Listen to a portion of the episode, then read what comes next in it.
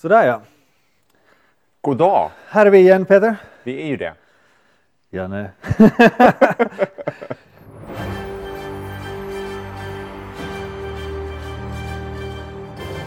Två nollor för mycket med Peter Törnroth och Janne Ström. Va, uh, inte så länge sedan senast, vi var, det är torsdag kväll idag. Senast vi sågs var lördag men uh, världen har sprungit, sprungit vidare. Den har ju snurrat några gånger till. Och, uh, och vi med den tänkte jag säga. Jag känner mig konstant lite, lite efter nu. Jag undrar om det är fel på min Twitter-feed. Jag försökte få, få uh, igång den här så man får de senaste tweetsen. Mm. Så, uh, eftersom de börjar bli som Facebook lite nu, att de väljer för dig vad du vill läsa. Mm.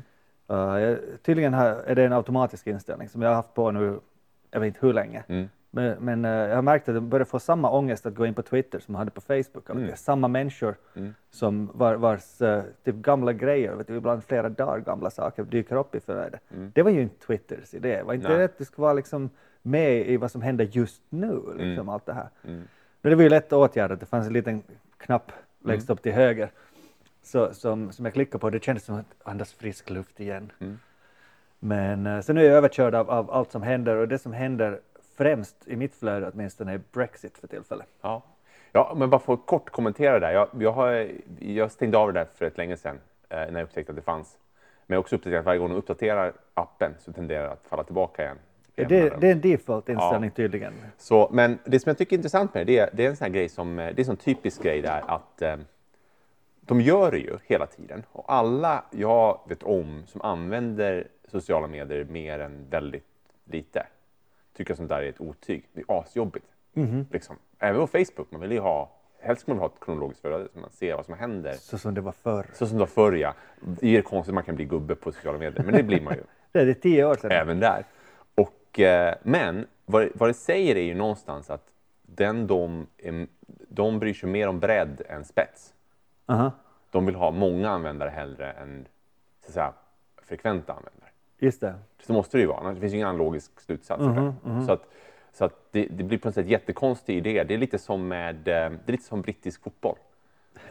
Läktarkultur. Aha, De vill ha japanerna istället för de som köper säsongbiljetter. okej. De som köper säsongbiljetter vill ju inte ha allt det där liksom, glim och glam-skiten. De vill ha bra fotboll bara. Bra fotboll, ja. Men, men, liksom, Med lokala spelare. men liksom vi, vi turister då, som kommer in för att vara elak, inte vara bara elak mot japanerna. Mm. Det, är de, det är vi som får liksom tjänsten.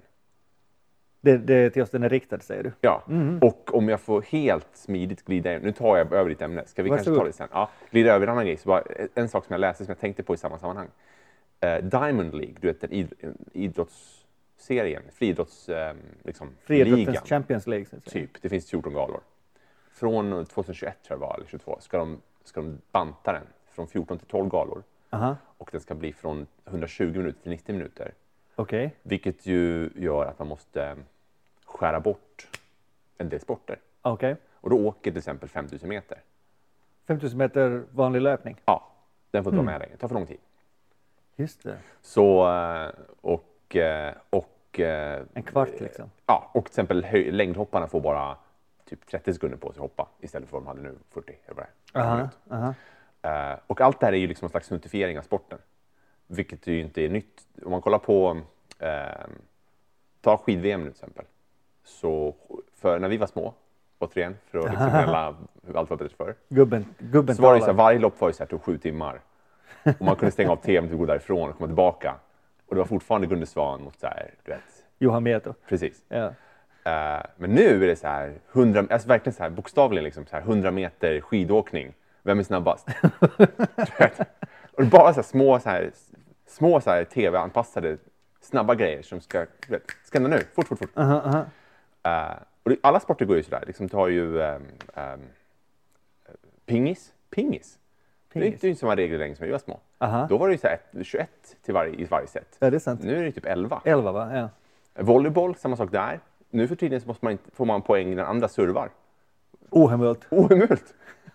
Allt det här är ju bara liksom samma trend. Det ska liksom ner, ner, ner, ner, snabbare, snabbare, snabbare, snabbare, paketeras, paketeras.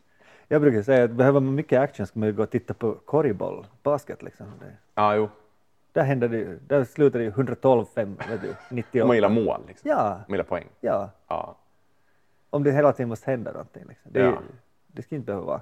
Nej. De, Mera bredd eh, än uh, Ja, men, spetsar. alltså, fram, fram, fram, fram, delvis är det förstås en tv-grej. Det ska bli bättre tv helt enkelt.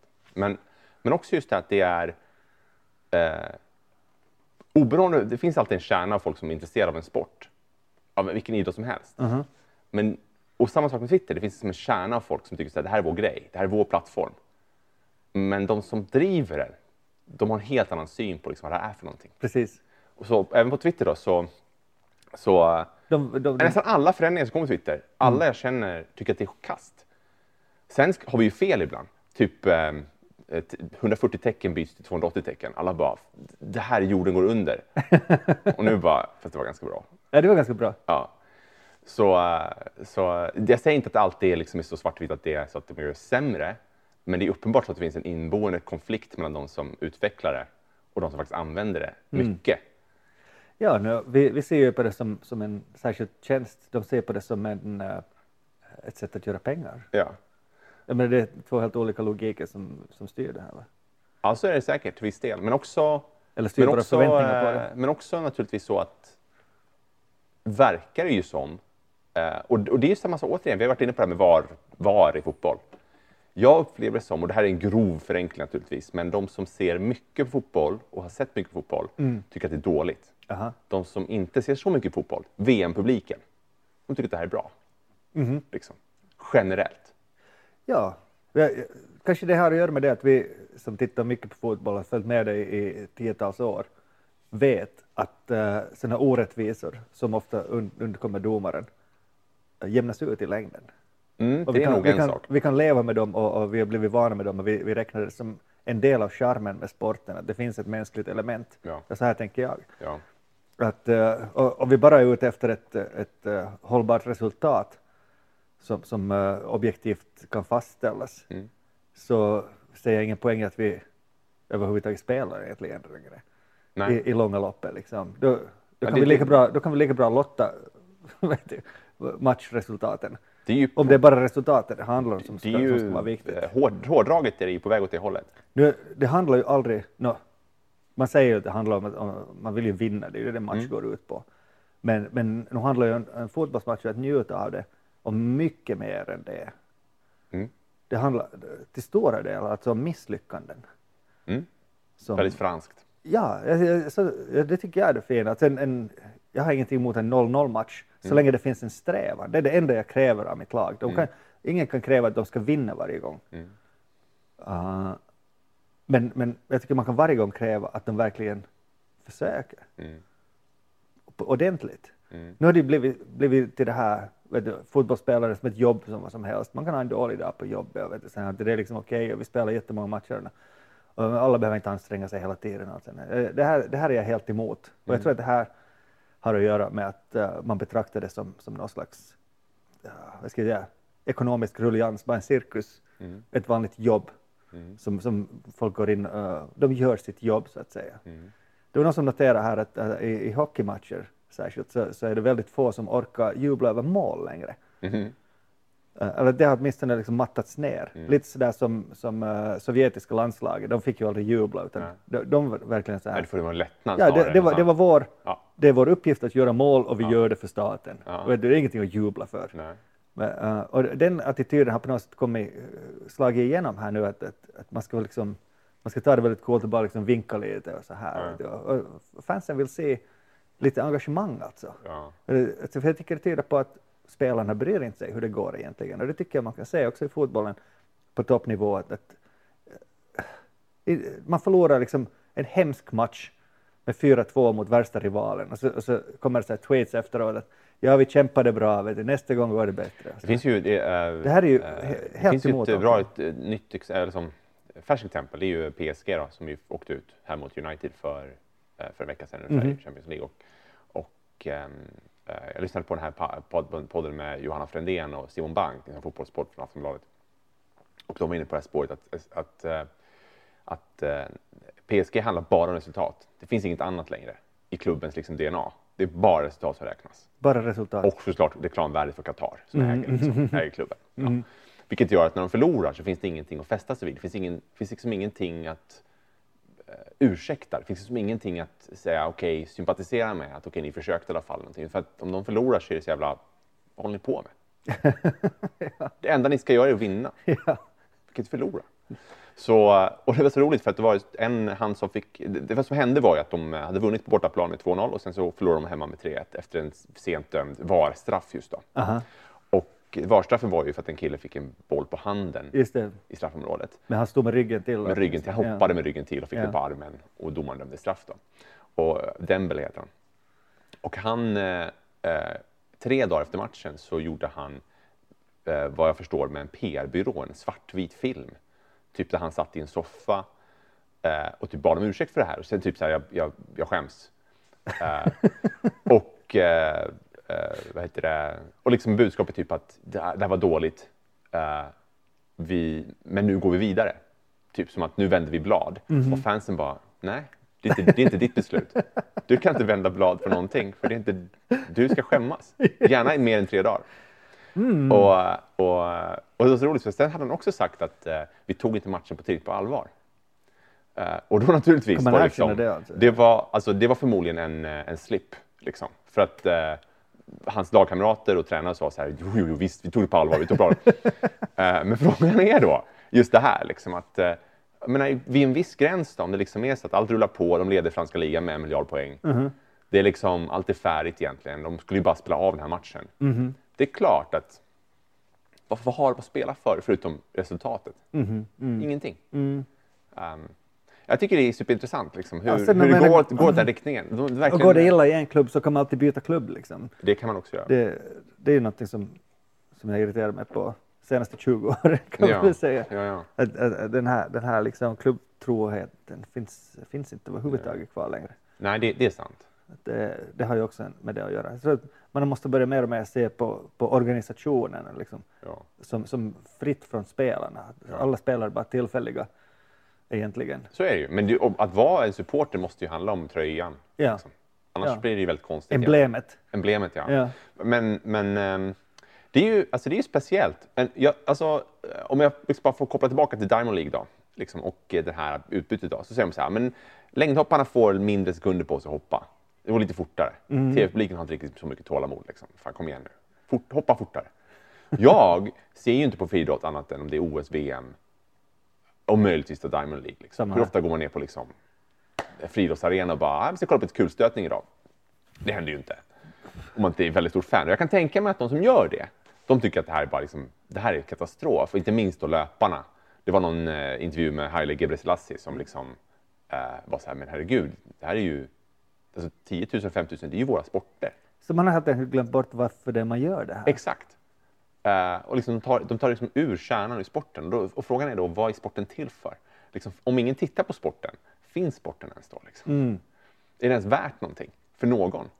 Eh, uppenbart tycker inte Friidrottsförbundet det här i alla fall, att det är värt speciellt mycket. Mm. Utan, utan de, de tänker att nej, men, det handlar om att vi måste få tittare. Det är liksom det som är hela poängen. fler och fler hela Fler och fler helst, ja. Ja. Eh, Och, då, och då får man liksom vränga på sporten lite grann. Jag menar, jag har faktiskt funderat på vägen hit, så att liksom, finns det, kan jag komma på någon regeländring i en sport som har hänt som är för sportens skull? Mm. liksom, som inte är just vi byter poängräkning i pingis från 21 till 11. Det är ju uppenbart en, liksom en, en slags publikfriande, det går lite fortare liksom. Mhm. Jag kan sitta och kolla på 21 jävla poäng. Det är asjobbigt ju. Ja. det här är fortare, fortare, fortare. Ja. Och, och, men försök komma på en regeländring liksom som, och i fotbollen kan jag komma på ja, det är möjligtvis sådana regler som liksom skyddar spelarna då. Typ du får inte längre typ, tacklas med dobbarna före. Det är ju inte en... Det, man skulle kunna argumentera för att det också är en tv-mässig, för att man vill inte se folk som bryter benen. Aha. Eh, och det är bra om typ de bästa spelarna är friska en hel säsong. Ja, gärna. Men, men det är också någonstans finns det något sympatiskt där, att det, också, det är faktiskt ganska bra. Liksom. Eh, och man kan väl hävda att den här bakåtpassningsregeln som försvann för vad det, 30 år sedan nu, eh, det var väl en En rimlig liksom, sportslig ändring. Det var rätt, rätt rimligt, ja. Jag, Ja. undrar, hur vi klarar oss före det överhuvudtaget. Men, men nu när jag tänker efter så minns jag nog flera gånger när, när uh, någon försvarare passar bollen tillbaks till målvakten som tar den i handen Mm. och bara står och hänger med den. Och det fanns ju ingen gräns för hur länge han egentligen kunde stå med den. Det var Det fanns nog regn. Det fanns, Fanns en, det då eh, redan? Ja, jag tror att det var en sex eller tio sekunders gräns. Något sånt där. hur länge han fick hålla den i Ja, det händerna. fanns ju fanns steg, det då redan faktiskt? hur många steg målvakten ta med bollen i handen Okej, och det hur jag, länge han får den i handen. Ja. Och, och hur länge han får den i handen finns ju fortfarande kvar. Ja. Jag, vet, inte- jag tror inte stegen finns kvar. Han får nog springa hur mycket han vill med den så länge han slänger ifrån sig efter typ x sekunder. Mm. Uh, men, men, men det fanns ju det fanns där. Men det gick ju extremt långsamt ändå. ja. Jag kommer ihåg när vi spelade match ibland man ledde med 1-0 och typ några minuter kvar. Skicka till Libron och så bara passa hem. Ta målet med bollen. Exakt. Stå va? där och häng bara. Repeat liksom. Ja. Ja, om man tittar på fotboll idag från den tiden så, så ser det ju nog alltså oerhört amatörmässigt och långsamt ut. Mm. Antagligen har det att göra med att de var bakfulla och rökte hela tiden också. Men det här tar mig till, till kanske min, eh, till liksom skruven på det här. Och det är ju då, allt det vi pratar om nu, är det bara just så? Är det bara just eh, förändringsmotstånd? Att säga nej till det? Är det liksom, är det, är det bra i grund och botten att man får kortare tid på att hoppa längdhopp? Är det liksom egentligen positivt? Är det positivt, allting som gör att det liksom, för man kan ju kalla det modernisering. Effektiveras. Ja, kalla det för det. Så liksom, ja, jag säger inte att självklart inte 100 procent av tiden är alla regeländringar bättre, så är det ju inte. Men om man ser en linje, att det är så här det går, att allting går mot att det ska gå lite fortare, det ska vara lite mer effektivt. Är det i grunden kanske egentligen positivt då? För att, just för att om man går tillbaka sen 30 år senare och tittar på sporten så blir man så här, men herregud, vad höll de på med? Kommer det vara så liksom om 30 år, man går tillbaka på så här höjdhopp liksom, så bara, vad fan står han där för? Hoppa! Hoppa! Det är ju en psykologisk prestation också, så det, Jo, jo. det har ju med det att göra. Alltså. Ja. Så jag tänker, ja, eh, nå, vi har glömt bort varför man gör saker. Varför, varför, varför idrottar man? Alltså, allt, allting ska ju vara då en del av nöjesetablissemanget nu. Så, att, så eh, det är väl nog bara att, att svälja det. Kunde det ha gått på något annat sätt? Det är svårt att säga. Mm. Antagligen inte. Det är ju någonstans att liksom, ja, och det är väl på sätt och vis kan man säga så att jag kommer när vi var unga och Harlem Globetrotters var och åkte omkring. Man var fascinerad. Mm. Jag tror inte idag skulle vara lika spännande. Därför att det är ganska likt sporten ändå. Det är som att, det är som att se en, eh, ja, ja men, men också för att, för att eh, kanske sån här tricks, trickhopp och sånt här kanske inte är lika spännande längre som det var någon gång. Alltså, jag såg så en, eh, Finns på, finns på Youtube en förstås. jämförelse me mellan hur, vad kallas det här, gymnastik där du bara, bara är på en, på en blank, blank matta liksom. Mm. Springer omkring och hoppar lite, Mm. gör volter och sånt här. Hur, hur såg den eh, sporten ut? Hur såg, hur såg de, eh, de bästa prestationerna ut år 1960? Mm. Och hur ser de ut idag? Mm. Då kunde du göra liksom en volt baklänges Mm. och landa på bägge fötter och sen kanske gå i någon handstående. Mm. Nu ha- har du de här tjejerna, särskilt som, som tar liksom en oerhörd sprint, hoppar upp liksom tre meter i luften och, och gör liksom tre volter med, med skruv Mm. och landar på fötterna. Liksom. Mm. Det, det, var, det var verkligen ögonöppnande. Alltså, Mm.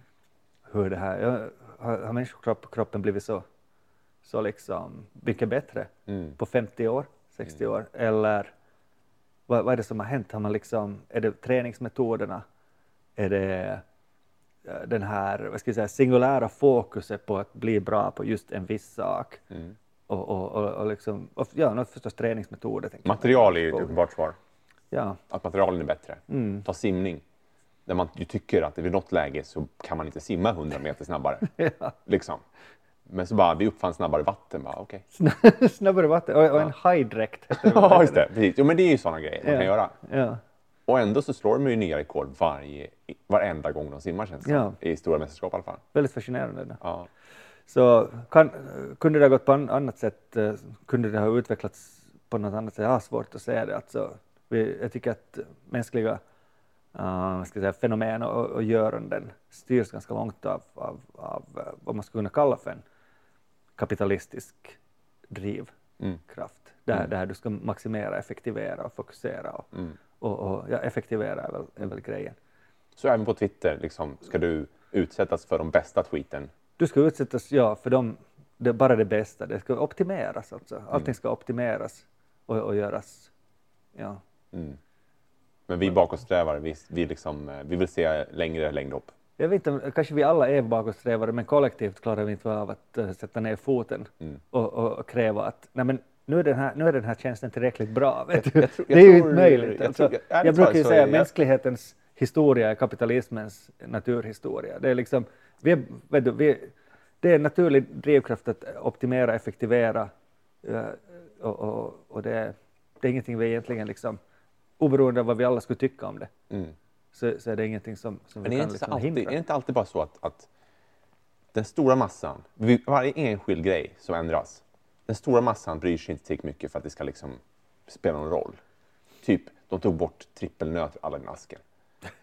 Typ 90 procent av människorna bara, so what, liksom. En jävla chokladbit. Och 10 Och så är det och 10 så här skriker. hardcore-fans som Ja. bara, precis, vad fan. Ja. Hur kunde de göra det? Men det är liksom inte, de, ingen bryr sig om dem. Det är för få, de är för få i den här enskilda grejen. Om man skulle liksom kunna liksom, eh, unionisera liksom, den här på bredd, liksom. typ alla den asken plus längdhopparna går ihop. och säga att vi kräver, vi kräver ingen förändring. Ingen förändring längre. Det finns ju många, många bra liksom, berättelser i film och, och, och, eh, och, och i bokform om sådana här samhällen som har försökt stanna tiden och tänkte att nu är allting tillräckligt bra. Så. Så det- är ju utopistiskt eh, dagdrömmeri Mm. i alla avseenden. Som, eh, till exempel, no, jag tycker den här bästa, bästa jag någonsin läst, en av mina absolut favoritnoveller överhuvudtaget, är, är Peter Högs den här eh, Drömmen om det 20 århundradet, Mm. som beskriver den här lilla uh, herrgården i, någonstans på danska landsbygden, där man bara bestämmer sig för att nu, liksom, nu har vi nått uh, höjden på utveckling. Mhm. Lite så här amish, amish uh, stämning. Det händer en massa absurda grejer där, det är en fantastisk historia. Men uh, varför bestämmer man som amish till exempel att uh, 1885 var liksom det optimala året? Efter det behövde vi ingen utveckling längre. Nej, Då hade vi hästar och, och allting. Så det är här. väldigt speciellt. Ja, Ja. så det är nog, det är nog omöjligt. Sen, sen äh, tänker man sig väl att äh, när äh, ska säga, fotbollen, toppfotbollen eller toppidrotten kapas på det här viset till andra syften än ska säga, det rent idrottsliga Mm. så läcker det ut någon annanstans, tänker jag mig. Jag menar, Vi har ju sett, sett sådana här lite fåfänga försök att till exempel grunda en ny, vad heter den här klubben som, som såldes, eh, Wimbledon till exempel, som, som blev The Dons eller for till Milton Keynes till slut. Mm. Och, och det där. Och, och fansen försökte grunda en ny Wimbledon sen, Mm. som måste börja någonstans. Jag tror inte att de har några fans överhuvudtaget. Alltså. Ja, det, är nog, eh, det är nog lättare sagt än gjort. Ja. Mm. Så det är nog bara att acceptera att vi kommer aldrig att kunna gå, gå bakåt Mm. i någon slags utveckling. Föränd- utvecklingsivrarna har ju fått eh, en motståndare i eh, Donald Trump. Mm, Jag ja, såg han hans tweet igår. Mm, vad skrev han nu Han då? skrev att eh, eh, flygplan har blivit för komplexa. ja, just det! Han har ju den här tanken faktiskt om att vissa saker har, har redan liksom optimerats. Mm, det kan inte bli bättre. Vi kan hålla på liksom. Till exempel en mur. Till exempel det. Ja, det går, den, den kan inte förädlas längre. Nej. Men jaha, flygplan är också liksom, de var tillräckligt bra i något skede och De, har, alltså, de är för komplexa, så nu måste man liksom ha maskiner och sånt där, app- apparater och datorer som flyger dem. Det var bättre förr när en, liksom en, en hederlig pilot kunde flyga flygplanet. Mm. Och jag tycker att han är jättebra här för att han, han påminner oss om just att man kan inte stanna, alltså man kan inte stanna tiden. nej. Man måste se till exempel automatisering av flygplan som en positiv sak i grunden. Sen kan det innebära negativa konsekvenser, det kan det göra. Men, men i grund och botten så är det något bra. Liksom. Eh, och- han, det, är, det är fint att ha en sån person som så naivt och liksom, uh, storögt beskriver världen på ett sätt som gör att man själv förstår att okej, nej men just det, det här är ju bara gubbigt. Liksom. Det är bara gubbigt att tänka att det ska sitta en pilot där. Okej, vi väljer det andra laget då. Så, Ja, men i princip, nästan alltid om han, han är ju fantastisk på det sättet. Han, han, man kan ju nästan alltid välja sida genom att bara titta på honom och säga tvärtom. jag tar den andra. Ja. ja. Näst, nästan Oftast är det nog. Ja. ja. Men då är vi för VAR från och med nu då. Två nollor för mycket.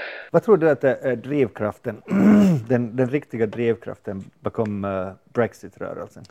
Den riktiga. Ja, om, om du tänker ren, efter, vad, vad skulle få dig att, att till exempel eh, riva ut Sverige ur EU eller något sånt här? Vad, vad har liksom Jag, jag, drivit tror, de här människorna? jag, tror, jag tror att det finns en, en känsla av eh, att man inte har någon eh, kontroll. Just det där, att känslan av att jag har ingen möjlighet att påverka det i någon riktning. Och jag brukade känna att det fanns, någon slags, det fanns en möjlighet för mig för att förstå det här. Hur det här satt ihop, liksom. hela det här samhällsbygget. I alla fall, Sätta en röst på någon och förvänta sig en effekt någonstans. ungefär så. Och liksom, det, men nu så är allting så jävla... eh, Nej, jag, jag förstår inte hur EU fungerar. Jag förstår inte varför vi ska prata med Bulgarien om gurkor. Jag förstår inte varför... Jag, jag tror att det är mycket det. Att det, är liksom, det, det är väldigt svårt, en känsla av att vi, vi hade kontroll men vi har inte längre. Och nu vill vi ha tillbaka den här kontrollen igen. Men också en slags nostalgi, tänker jag mig. Ja, säkert så. Säkert mycket. Också. Ja. Till, till flydda tider återgår min tanke än så gärna, som Mm. Ru- Ru- Runeberg skriver Uh-huh, i, i Fänrik Stål, vill jag minnas. Ja. Men ja, jag, jag läste en, en bra tweet här om Brexit. Det har varit som sagt bara Brexit i mitt flöde i, i flera dagar nu. De har ju hållit på att rösta av här nu. ja, det var väl var det igår eller i förrgår de röstade nu? Ja, i tisdags och eh, nu röstar de ikväll igen medan Mm. vi håller på och sitter de och skriker Order! Order! underbar underhållning. The right honorable gentleman from Northamptonshire. Bara för det där tycker jag att eh, jag hoppas de aldrig lägger ner det brittiska underhuset åtminstone. Eh, men eh, det var någon som sa att eh, Brexit påminner väldigt mycket om, om eh, en medelålders man som eh, plötsligt tänker att fan, han har fått nog av, av eh, sitt äktenskap nu. Du? nu, nu och, och liksom fullständigt övervärdera sitt, sitt värde på, på marknaden. Tänker att du, alla vill strike deals med honom just liksom, så här viset. Nej, det kanske inte riktigt var så. Att, eh, så jäkla het var du trots allt inte. Alltså. Du kanske var det på 1800-talet, början av 1900-talet ännu. Liksom, men, men, eh, men nej, det är, nog, det är nog bäst om du bara liksom, du, vi tycker mer om din familj än vad vi, än vad vi tycker om dig personligen. Ja. Uh, och, och sen hade det det här liksom att, att du har ju barn, så, men du kan ändå aldrig liksom frigöra dig från den här kopplingen till, till, till familjen. Du du blir ändå tvungen att eh, kompromissa och hitta liksom olika lösningar för hur barnen ska forslas hit och dit. Det vill säga, nu talar vi om, om Nordirland kanske. Hur fan ska den, den grejen skötas? Att, eh, För att inte tala om vad skottarna kommer att hetta på om, om eh, det blir en Brexit. Så, här, så jag tyckte det var en ganska rolig analogi. Som, Det var ganska träffande. Ja, sådana, sådana, sådana här finns det ju massor av. Alltså, det, det finns ju böcker, liksom så humorböcker som samlar på Brexit-skämt och allt sånt här. Så vi har, vi har en helt kulturell yttring kring allt, hela det här. Det är ju det är ju väldigt speciellt. Alltså, det är en väldigt speciell situation där, där de... 29 mars smäller det. Är liksom då det ska hända. Mm, fast nu, eh, faktiskt eh, strax innan vi kopplade på mikrofonerna så, så fick jag i min öronknapp som jag inte har eh, eh, senaste nytt att EU, det var Donald Tusk som, som det där tweetade om ett, eh, en överenskommelse som, som de tydligen har fattat inom EU, att de är beredda att ge mm, eh, Storbritannien en, en extension, Aha. en lång extension på det här beslutet. Mm. Och med förhoppningen då att de tar sig samman och, och sansar sig och eh, inte kastar, kastar sig ut, ut från klippan utan fallskärm utan, utan liksom vi ger dem helt enkelt tid att, att reda upp det här förbannade ormboet som de har försatt sig i. Okej. Nu, är vi, nu är vi liksom schyssta. Vi, det, vi håller situationen as is. Allting på, pågår. De får fortsätta låtsas att de är på väg ut eller låtsas att inte vara på väg ut. Uh, så pass länge. Uh, det var någon som talade om några månader, Uh, uh, men det fanns också uh, tydligen tjänstemän som har nämnt uh, 2021 som, som ett, uh, ett datum, eller ett år som, under vilket ett beslut borde fattas. Det är, klart att, det är klart att nu när du säger det så låter det som ett oundvikligt scenario. Tycker- att det här har jag sagt hela tiden. Ja. Uh, vi kommer att hamna i ett, i ett här limbo där, där de är på väg ut konstant Mm. och, och liksom hävda sin, sin uh, suveränitet och sin, sin uh, vad ska jag säga, unika brittiska ö-mentalitet och, och, och hållning och, och kulturella överlägsenhet och allt sånt här. Bla, bla, bla. Uh, men ingenting förändras egentligen. Nej. Men vi vet ändå inte riktigt vart det är på väg, så det är ett sånt här spökligt limbotillstånd där kapitalet flyr city, London city. Vi pratade Tusen det. miljarder, by the way, har flyttats ut ur London Alltså, vi under pratade senaste om det på, eh, på jobbet två åren. häromdagen, liksom att de, så att vi hade haft en filial i, i Storbritannien just nu. Mm. Otroligt svår situation det skulle vara. Tänk, ja. För att man, det är sån extrem osäkerhet och man har inte, liksom ingen möjlighet att... nä- nästan, man har nästan skyldighet i det läget att liksom göra någonting åt saken. Ja, vad, vad, är, vad är din rättighet att operera en verksamhet Mm. i Storbritannien efter den 29? Ingen jävla Nej, vet nu. nej, nej. Det är, är det två veckor? Ja, Det är den 14 idag va? ja 15 dagar. Så det är ja, Mm. två veckor och en, en, en dag liksom. Så, eh, men jag läste om den här bankflykten, alltså en stor del har, har eh, lokaliserat sig till Irland nu. Mm. Dublin har varit den stora eh, vad heter det, mottagningspoolen för de här Självklart. Ja, för, för de här eh, olika, olika brittiska finans... eh, det var 250 till 400, det var 250, förlåt, 250 till 270 olika firmor som hade undersökts nu som eh, mer eller mindre hade liksom lokaliserat sig någon annanstans för att de inte vågade stanna kvar i city av London anymore. Mm.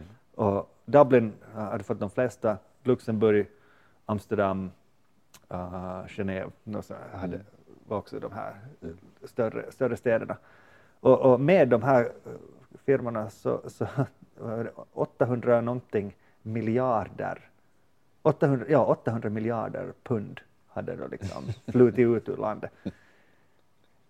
Ja, Det, det låter som en ordentlig summa. Liksom. Det Och, och, och vi talar om tusentals arbetstillfällen också. Mm. Nu är, det, nu är City of London fullt av fullständigt onödiga firmor som bara flyttar pengar från ett konto till ett annat. Det är ju deras arbete. Va? Mm, mm, Men, men, äh, men det- någonting säger du mm, om det här. mm.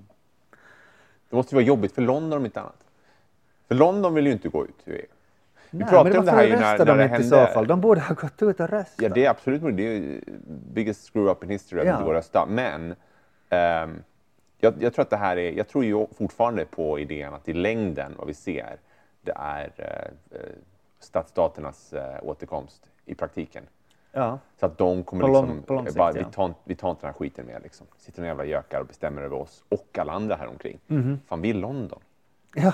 Liksom. Vi är större än de flesta stater i EU. Liksom. Men de har ju, de har ju redan äh, ganska egna regler Mm. och lagstiftning för city, Mm. alltså för att äh, de ska kunna hålla de här skatte, säga, skatteflyende, skatteundvikande finansinstitutionerna Mm. där Mm.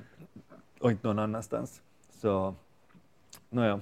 Hon torskar ju stort. Hon torskar ju typ, jag tror det är största förlusten i, i, ehm, i en sån här omröstning eh, ever, tror jag det var. Mig, Mm. ja. Premiärministern uh, slogs ner med vad är det, 124 rösters marginal i underhuset, Mm. vilket var historiskt Mm. eh, igen. Men Mm. det var andra gången som de slår Mm. rekord här nu. Ja, härligt måste vara. Ja, Tacksamt jobb. Ja, jag lyssnade på en hel del faktiskt eh, av det här, eh, lite perverst fan av det här Burko som är, som är talesman, Mm. eller talman i, i parlamentet där. Och det där. Så om man, orkar, om man orkar lyssna på fyra minuters inlägg av olika riksdagsmän eller parlamentsledamöter från olika håll Mm. i Storbritannien så får man alltid några sekunder av, av John Burko däremellan. så det är nästan värt det. Men uh, det, här- det här var alltså flera som höll sina fyra minuters anföranden. Uh, det här var på tisdag. Mm. Som öppet sa att jag har ingen aning om hur jag ska rösta ikväll. Vi har, vi har en, en, eh, en eh, omröstning på kommande här. Allting ser ut åt helvete. Vi har två idiotdåliga uh, alternativ att välja mellan. Uh, uh, uh, no, det verkar som om de flesta sen hittar sin, Mm. sin position ändå där. Men, men jag menar, vad, vad innebär den här extensionen av tid nu? Det innebär väl inget mer än- att i, i bästa fall att de sätter sig ner och tänker. Och i sämsta Men det fall att det bara är, omöjligt. att det bara liksom är, som du säger, limbo. Du har, du har alltså, så- nu, jag menar under, eh, ska vi säga, i, i skuggan av, av hela det här Brexit-monstret så pågår samtidigt en, en så fullständigt cynisk maktkamp Mm. i underhuset också, Mm. mellan vänstern och högern. Mm. Där, där man är i stort sett är beredd att liksom offra hela Mm. nationens ekonomiska framtid så länge man får majoritet i nästa val. Ja, liksom. nej, det är, hemskt. Ja, men också Corbyn som, som det där, som jag av någon anledning tyckte var en lite frisk fläkt när han blev vald för tre år sedan. Var det, och, och hade lite förhoppningar för att han skulle styra upp där. Så, så har det visat sig vara en fullständig stolpskott Mm. och, och en, en sån här, ja, jag, jag ska inte säga att han var värre än Tony Blair. Så långt kan man inte gå. Men, Nej. men, det där, Men, men det här, sen vind, vindflöjel som är tydligen beredd, opportunisten beredd att göra vad som helst nu liksom, Mm. för att eh, få tillbaks, få tillbaks eh, övermakten i, i, i vänstra händer där. Och, så- nej, Nej. nej, det ser inte bra ut. Alltså. Nej. Nej, det, det är liksom oanständigt förfarande. Det är oanständigt förfarande. Är det inte? Ja. Ja. Det är, eh, det, det är väldigt konstigt. Vad heter det? Vi får se. Jag, jag eh, hoppas, eh, ja, man hoppas ju någonstans att vi alla andra har lärt oss att eh, vad man gör, det är att om man ska rösta om sån här skit, rätt stora frågor, Mm. så gör man först jobbet och sen röstar man om det. Se, till att, Ja. se till att vi vet vad vi röstar om. Exakt. Mm. Så man säger inte bara så här, vi vill att Finland ska gå ut ur EU och sen börjar man jobba på hur det ska gå till. Mm. Det, det är en dålig idé. Det är just den här åsikten som jag, som jag ser på Twitter ofta. Liksom. Vi röstar inte om konsekvenserna, vi röstar om att gå, om att utträda Mm. och vi ska utträda. Mm. Den här liksom, ja men det är ju inte konsekvensfritt då. Nej, Liksom. nej. För att det enda ett utträde är, är dess konsekvenser. Ja. Hur ska du liksom argumentera med sådana här träbockar? Nej, jag håller med. Det är väldigt konstigt att säga att man liksom, vi gör att any cost, för det var det vi sa. Det, det, så funkar ju inte så livet. Liksom. Jag föreslår att, eh, bara så, som ett gott råd åt Mm. de britter som vill träda ut, att det här, släng bort 10-20 procent av, av din egendom, Mm-hmm. alla dina pengar, eh, och, och det här, låtsas att eh, butikshyllorna gapar halvtomt. Mm. Och, och det här, och sen vifta lite extra med, med Union Jack. så liksom, I slutändan så är det Union liksom Jack som det gäller. Brexit Fantasyland där. I slutändan liksom. det ju the, the Empire som gäller alltså. Ja, det, det lär bli ett, en till omröstning. Det här är min gissning nu. Ja, men det, det, det, Inom 2019. En, en, eh, en ny Brexit-omröstning som vi tänkte säga också kommer att förlora. Det kommer säkert att bli, bli en hårresande kamp Mm. där, där det här äh, styrkeförhållandena kommer att jämnas ut igen. Liksom. Mm. Det blir alltid så här att det är Mm. hälften för och hälften mot Mm. av olika orsaker. Mm. Och sen röstar de för Brexit med en ännu mindre marginal. Och sen är vi samma shit-situation Samma skit igen, fast ja, där vi minus- måste igen förhandla nya för, äh, Ja. förhållanden. Och då, då liksom, vi bara återupprepar det. Jag tror att vi har en groundhog day för flera år på kommande här nu med den här Brexiten. Åh, och de skulle ha hållit fast i Indien. Skulle det ha hjälpt? Då skulle de inte behövt sån här skit. Då skulle de kunna känt sig stolta över sitt liksom, imperie. Nu kunde de vara stolta. Jag har förstått att Indien har, har infört så här tvångspatriotism nu. Mm. Eh, De, de har väl, eh, åtminstone var de förra veckan ännu i krig med, med Pakistan mer eller Ja, mindre. jag har inte hört så mycket sen vi pratade om det här. Nej, Mm. men uh, korrespondenter därifrån har, har berättat bland annat om att eh, när man åker flyg inrikes så, så måste man hylla Indien. Mm. Eh, eller kaptenen måste hylla Indien och, och så här vet du. Det Passagerarna alltid, uppmanas, eh, uppmanas vet du, stämma in i, i det här hyllningssången till fosterlandet. Det här, är ju, det här är konsekvensen av länder som, som är aktivt eller passivt allt ständigt i krig. Det var ju samma med nu med um, det isländska bandet som vann eh, Islands eh, Eurovision här. Mm. Har ju tydligen då varit eh, lite kritiska mot Israel. Eurovision känns plötsligt fräscht. Ja, de har varit lite kritiska mot, kritiska mot Israel då. Och det råkar ju hända så att det ligger i Tel Aviv i år, denna stora tävling. Ah, då är det Deras- så att det är olagligt tydligen då att man får inte tillstånd att komma in i landet om man är kritisk mot Israel. Eh, och det här det. är ju då en liten konflikt. Så att, eh, jag har inte sett jättemycket mer än, än bara liksom det här eh, som jag sa nu om det. Men, men bara som en parallell då, jag tänker liksom, det är just det här som händer. Man liksom är så här, vi är i krig nu, alltså måste alla tycka alla måste, alltså måste alla bära en så här flaggpinn och vara så här Mm. ständig liksom honör. så var det ju 2001, 2002, 2003 USA Ja. också. Ja, Är du med oss eller är du mot oss? ja. Man bara, nej. nej. Nej, fasen Nej. alltså. Uh, vet du vem som också införde eh, förbud mot att uh, heda staten? Nej. Ryssland. nu, Förvånande. ja, nu, nu är det det här uh, Anna-Lena Laurén, den här reportern, uh, korrespondenten därifrån, Mm. uh, noterar att, nu, nu, nu var detta också officiellt då att Mm. man får inte förolämpa staten. Det är så himla konstig lag. Kan du tänka dig något mer ängsligt? Ja, nej, jag håller med. Det är så otroligt fånigt. Det är så töntigt. Ja. Hur, hur, på, hur, hur mycket liksom tonåring ska Ryssland liksom ännu vara?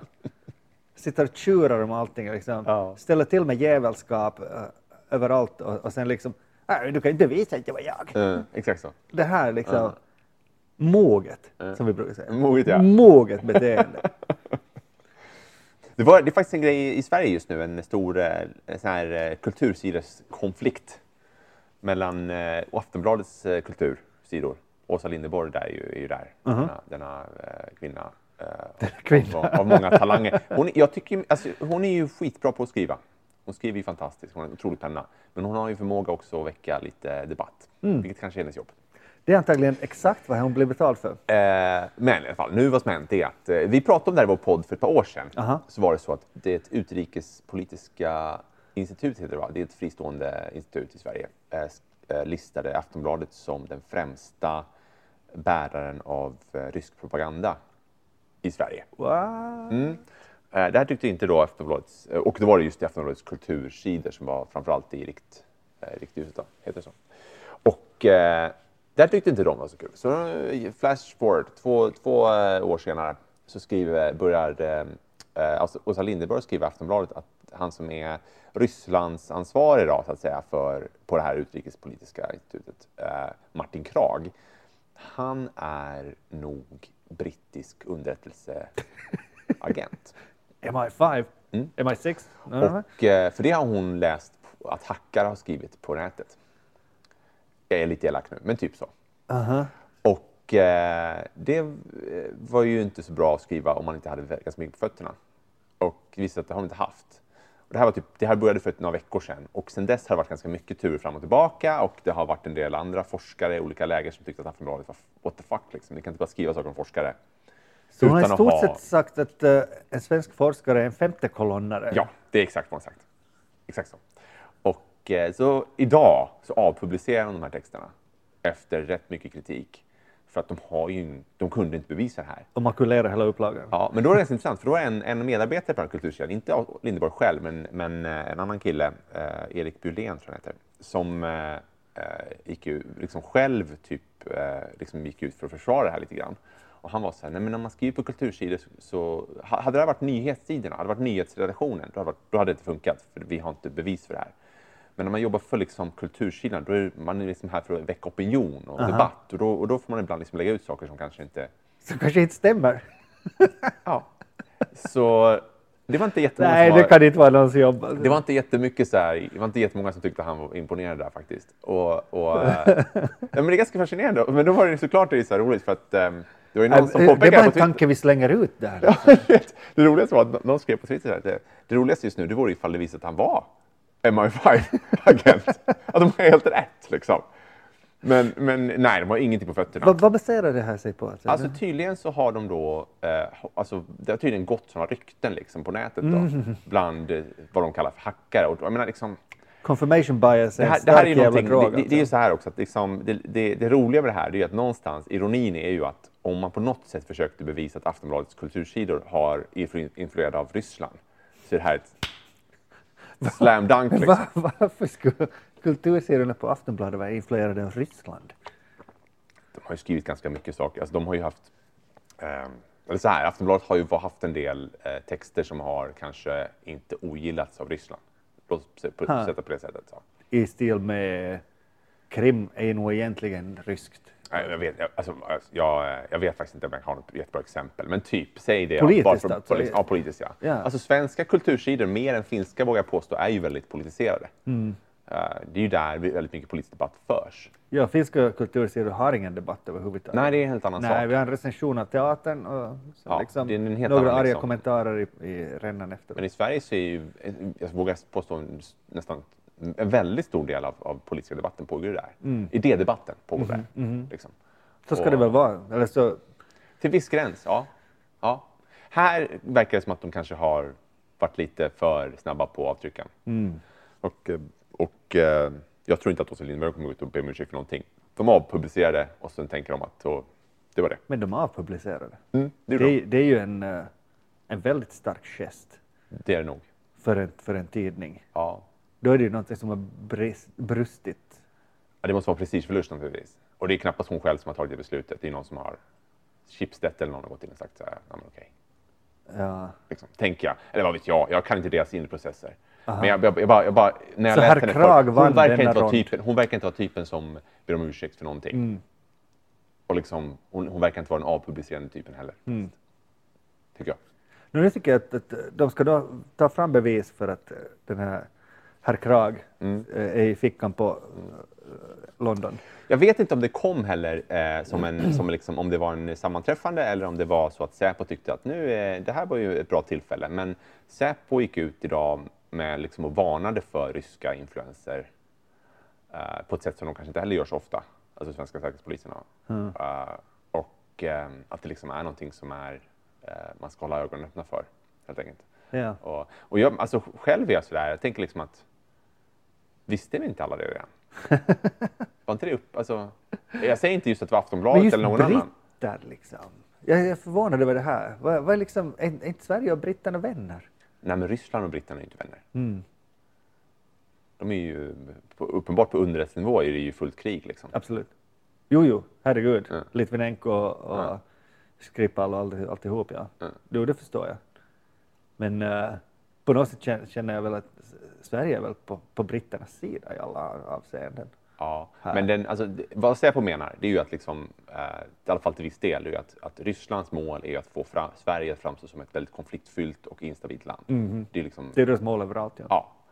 Eh, och, och i Sverige så har de ju lyckats ganska bra med det, om det nu är de som lyckats med det.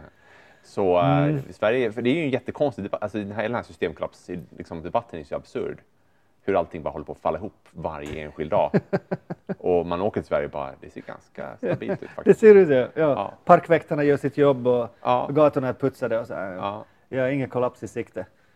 Så det, det, det är lite speciellt. Däremot sa jag att Säpo, jag vet inte hade det här med det här att göra, men Säpo varnar för en eh, växande nationalradikal rörelse Mm. i, eh, i Sverige. Kanske inte en enskild rörelse, men, men en, en tankeströmning som... Men det är som, nog eh, kopplat till detsamma. För att, för Ja, att hon- som, som har, där, där alltså fringe-elementen, de riktiga extremisterna, Mm. har, börjat eh, närma sig allt mer den här, ska vi säga, moderata Mm. nationalisterna. Ja, och det är säkert en korrekt lägesanalys Ja. på alla sätt. Men eh, när, de, när de tweetade, för obviously det är där jag får alla mina nyheter, så, så det här var ju de åtta följande, som jag nu orkar läsa, svaren på det här var, ja men vad med, vad med muslimerna då liksom? Att, eh, Otroligt tröttsamt. Ja, Ja. ja, det här är ju ett intressant fenomen per se. Mm. Islamsk radikalism, fine, vi kan tala om det också. Ja. I en annan tråd då. Nu snackar vi om, om detta liksom. Uh, men det här var ju människor som tycker att uh, det här är alldeles uh, positiva strömningar. Att Nu har Sverige vaknat och allt sånt här. Verkligen uh, obehagligt att se vilken färdighet det finns liksom, för att kasta sig huvudstupa in i någon slags eh, nationalistisk vurv, vurm för, eh, för det här på, på några slags etniska grunder. Mm. Verkligen, verkligen obehagligt att se. Man ser det alltid då och då. Jag försöker intala mig om att det här är bara liksom ett, ett handfull trollkonton som bakom vilka det sitter en och samma person. alltid och sådär. Men någon slags beredskap finns det ju där, det har vi ju sett också. Men detta var alltså uh, Säpos tweet idag, att eh, de håller koll på en sån här utveckling och det var ju trevligt att höra. Man får hoppas, att de- man, får hoppas att de har det. Att de har Ja, det. ja, alltså att man likvärdigt liksom behandlar de här, de här eh, extremisthoten. Alltså.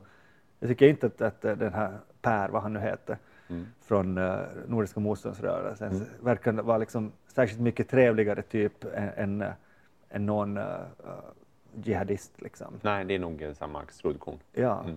Så det är kanske bra att bli påmind om att, om att har ett ett dubbelt uppdrag här. Mm. Liksom. Ibland. Så, så tack för den tweeten. Två nollor för mycket.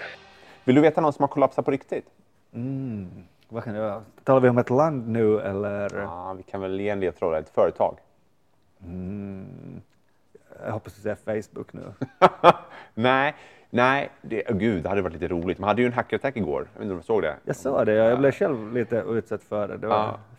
Fick, det här. Försökte skicka en, en video till en kompis i Tyskland. Mm. Han fick eh, ett, eh, 50 meddelanden om att han, videon har kommit men ingen video. Ja, just det, just det. Ja, men så det är väl de utsätts för förmodligen hela tiden. Men det här var mer, mer, mer lyckat då. Nej, eh, Blockbuster.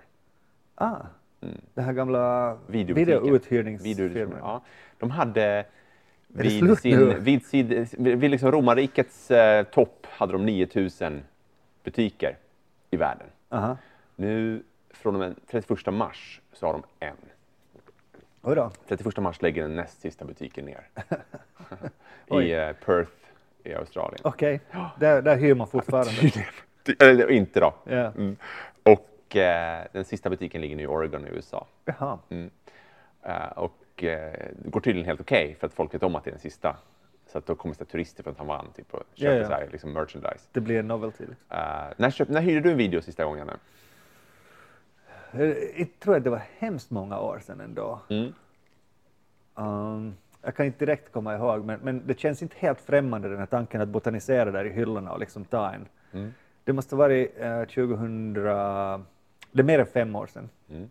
Det är nog mer än fem år sedan. Det, är, det var när jag bodde i Kronohagen och det var 2013. Byggde på Marconi, videofirma Marconi. Ja, ja. Då, då, de hade ju sådana fantastiska erbjudanden där du kunde få, få alltså tio filmer för tio spänn i en vecka eller Mhm. två veckor. Sånt här. Mm.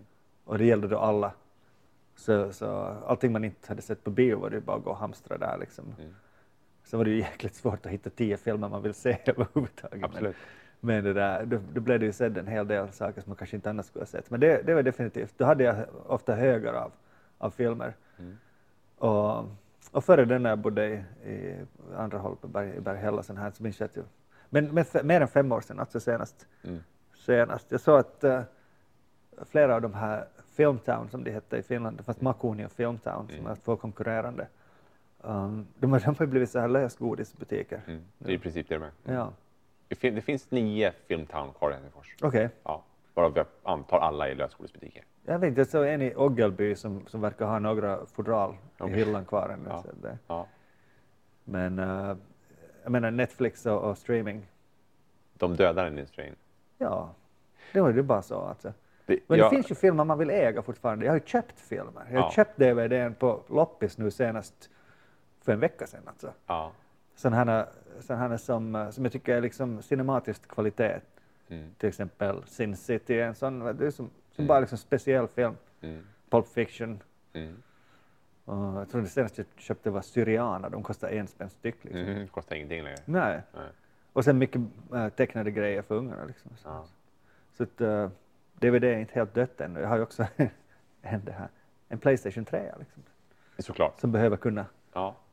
kunna det här, få någonting att äta då och då. Ja. Ja, för- jag tänkte på nu när du sa det, det här det extrema nostalgitrippen att ta tillbaka till så här 1987. Man stod i videobutiken med sina Mhm. polare och skulle välja en film. Det tog, tog en timme. Liksom. Ja, ja. Det var roligt. Vad roligt ja. Ja. ja. Det, är så slu, fin, som slutade med välj nu någonting, vad som helst. det, det är ganska roligt för det är ju så här eh, ytterligare en publik mötesplats som inte finns.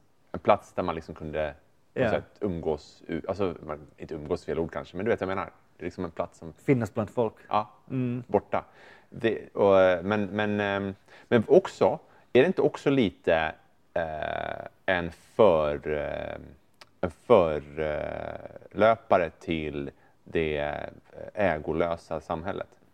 Just som Ja. du säger, för att man kan ju äga filmer eh, på Google Play eller på, på liksom, eh, du vet, Apple. Man kan äga tillträde till dem. Ja, men tillgång. exakt. Det är det som jag menar. För någonstans är det ju så att i längden så kommer det bli ohållbart att, att äga någonting överhuvudtaget. För att vad är poängen med att äga någonting som du inte vet om du kan se om, om ett år ens? Mm.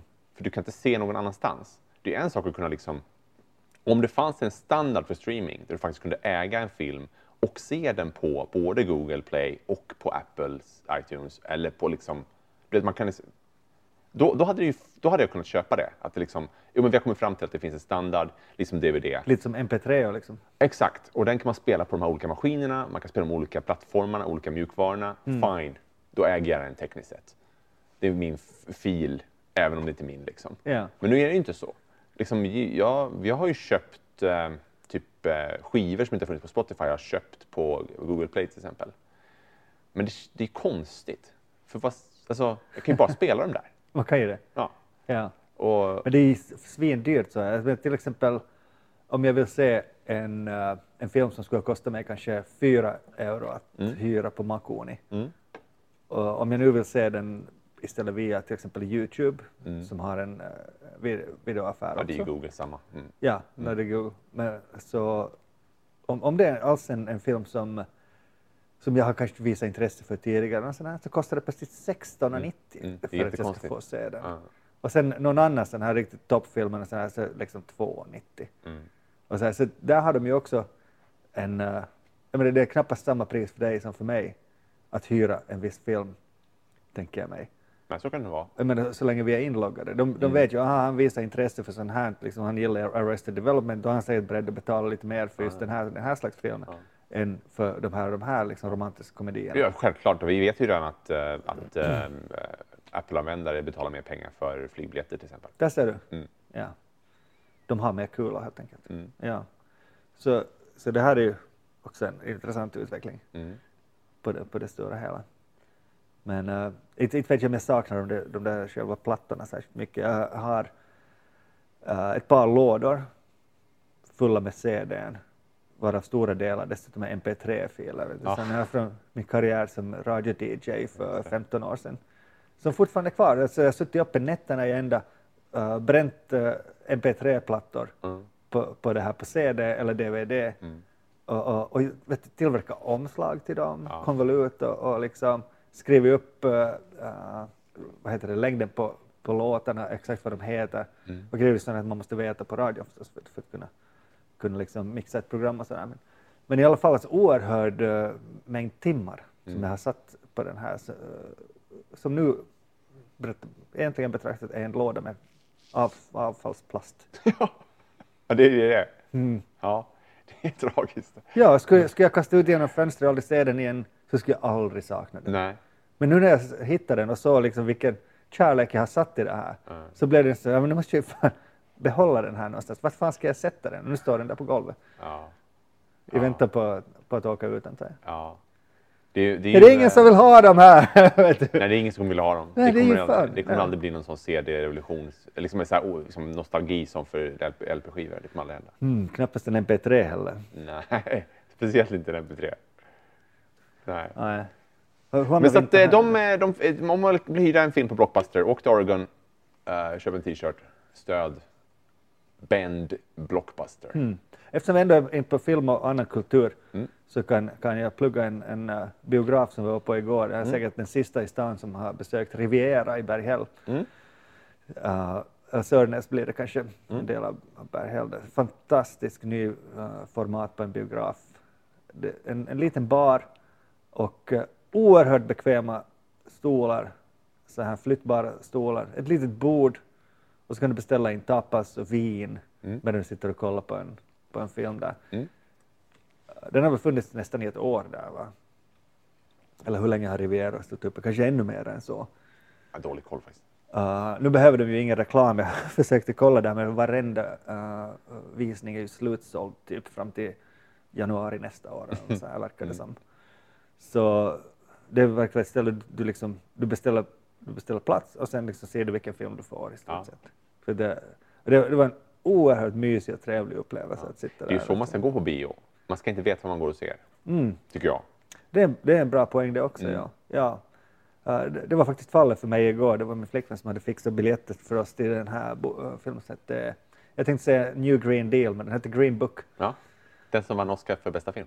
Var det faktiskt jag, Mm. att den, att den vann? Ja. Ja, ja, jag kan förstå det. Den hade ju, det var ju någon slags pen, pendang till den här filmen uh, Driving Miss Daisy från början av 90-talet. Mm. Den är väl omvända roller. Där det var omvända roller. Ja. Nu hade du istället den här överklass svarta killen och, och den här arbetarklass vita killen som chaufför. Mm.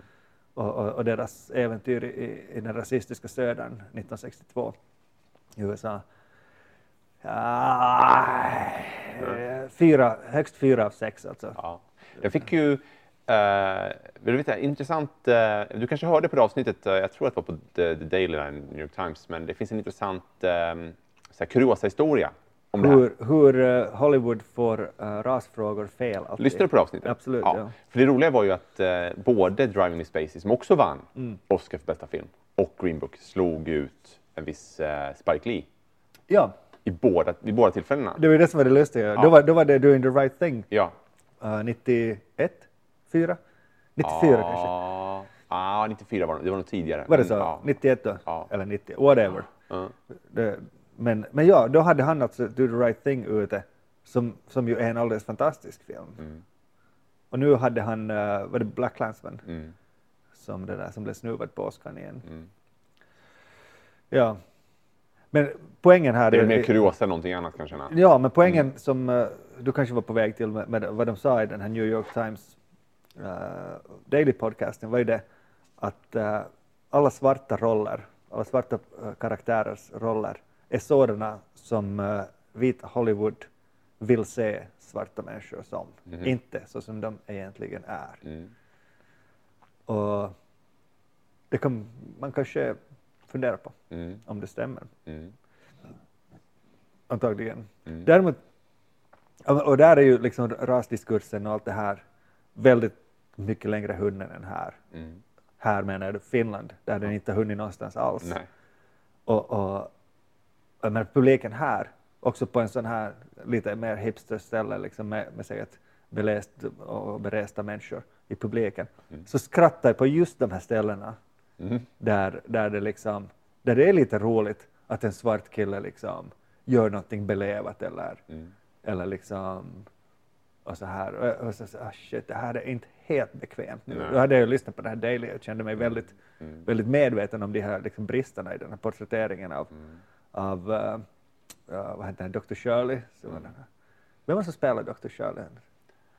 Jag vet inte. Ja, jag kände inte heller igen honom. Jag kände inte heller igen Viggo Mortensen som tydligen var andra huvudrollen där. Okej. så jag kände aldrig igen honom. Men, det, men det, det må kvitta. Men jag tror att det var en viktig film. Det här är en viktig film som jag hoppas att finnarna går och ser. För att vi är faktiskt på den nivån i den här eh, diskursen. Där, där en sån här film kan vara lite ögonöppnande Mm. för människor.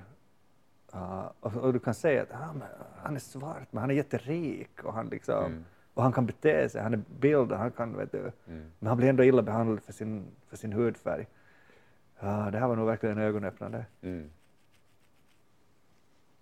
Jag tror det kan vara viktigt för Finland. Mm. Hoppas det blir en, en eh, succé här. Mm. Oscarsvinnare brukar ju folk gå och se. Låt oss hoppas det. Mm. Ja. Sen kan jag känna att det, och det, jag vet inte om det beror på mig eller något annat, men det är mindre buzz runt Oscars, tycker jag, för varje år. Ja, Jag vet inte vad det beror på, men om det är att, att ehm, det är ofint att eh, göra någonting överdådigt nu för tiden. Nu ska vi bara ha klimatångest. ja, fast jag vet inte, det beror verkligen på det. Mm. Är det inte bara också att, Det blev så jäkla politiskt i något är skede. det inte också att alla filmer som går upp nu för tiden är superhjältefilmer och de är inte med i Oscar? liksom. Det är bara, det, jag, trodde det, jag trodde det skulle på något sätt avmattas den här, men det kommer ju bara fler och Det var fler fler. och fler, ja. Ja, Och de vinner inga Oscars. jag gick in Annat på... för liksom bästa effekter. Liksom. Japp. Jag gick in på tennispalatset här där de hade jag multiplexet eh, i Helsingfors. Uh, fantastisk jätte, jätteduk den här som, som jag gärna går och ser, ser vilken splatter som helst på. Men jag såg inte en enda titel på den här långa listan av filmer som jag tänkte att den där måste jag se. Mm. Inte en enda. Nej. Och jag stod liksom och googlade, "Ah, vad handlar den här om? Nej, vad fan är det här för shit? Vad, vad, är det, vad är här för shit? Och sen var det, tre av dem var, var någon slags ny superhjälte i Avengers eller Marvel-universumet Ja. Som ingen någonsin hört talas om. Nej. Där du har en cameo av Iron Man eller Nick Fury. Ja. Allt är korsbefruktat. Och sen, ja, och sen, och sen liksom, och, jag menar helt välskrivna plots säkert Ja. och liksom kanske Ja. tank, tankevärda Ja. värda saker annars också. Men, men kanske film, filmen, eh, vad, vad är det för slags film vi, vi, vi saknar Jag vet inte, alltså, men jag, jag känner mig som en världens snobb ibland. Jag, jag, eh, eh, jag är på inget sätt en cineast. Liksom. Men, men jag blev sådär, jag blev, jag blev eh, rekommenderad att gå och se eh, eh, Deadpool. Och så gick jag och såg Deadpool. blev Alla- lurad. och Alla var så, alla var så här, åh, det här är den bästa filmen sen Glass. Och så går jag och kollar på den och säger, men ja, han är ju rolig. Ryan Reynolds är ju skitrolig liksom. Men det är ju bara en jävla superhjältefilm. Det är inget annat. Det är Med mycket CGI. tonårshumor liksom. Ja, eller hur? Och så, här, fan, lite mer än så här kan vi kanske begära av. Han pruttar i sin dräkt och sånt här. Ja, men typ. liksom. Ja, men typ, om man är lite elak. Ja, ja, typ så. Så jag tänker så här, fan, men det, är det här vi har lagt ribban nu? Att det räcker med att de har lite CGI och att han typ är s- sma, lite smart och rolig. Liksom. Aha. Eller typ så här lite ironisk. Aha. Då är vi med. Liksom. Ja. Bara, nej men alltså, fan, vi har nå- lite mer än så kan vi kräva. Jag, jag blev också lurad av, av hypen. Jag gick med hela familjen och tittade på Deadpool. Mm. Och vi kom alla ut som sådär tittade på den och vad fan var det för skit? Vad det för skit? Ja. Ja. Alltså, skit vet jag inte om det är heller. Jag hade jag inte haft några förväntningar och gått in och sett den, då hade jag förmodligen tyckt att det var en habil komedi. En, en liten next gen grej liksom. Ja.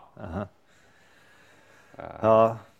Fast snart kan vi börja prata om så här tjeckiska dockfilmer. Liksom. Ex- Ja, nu är det dags att ta Tarkovskij tillbaka på tapeten här. Något bättre än Solaris har väl aldrig ändå gjorts. Fritz Lang vet jag. Gud. Det finns inget som har parodierat bättre än, än Varanteatern faktiskt. Kommer det? När de gjorde den gula och den bruna filmen av Kiss och. Oj. Fantastisk sketch. Kieslowski. Då, då var jag en ung och pretentiös man. Ja. Jag tänkte säga pretentiös ung man när jag gillade Kieslowski. Han var ju fantastisk. De var jättefina de här påskfranska filmerna tycker jag. Skrattar du? Skrattar du. Ja, Vet du vad som händer, också, händer nu också som är fint? nej. Uh, Fars dag blir officiell flaggdag. Vem driver sådana här ärenden? Jag vet inte.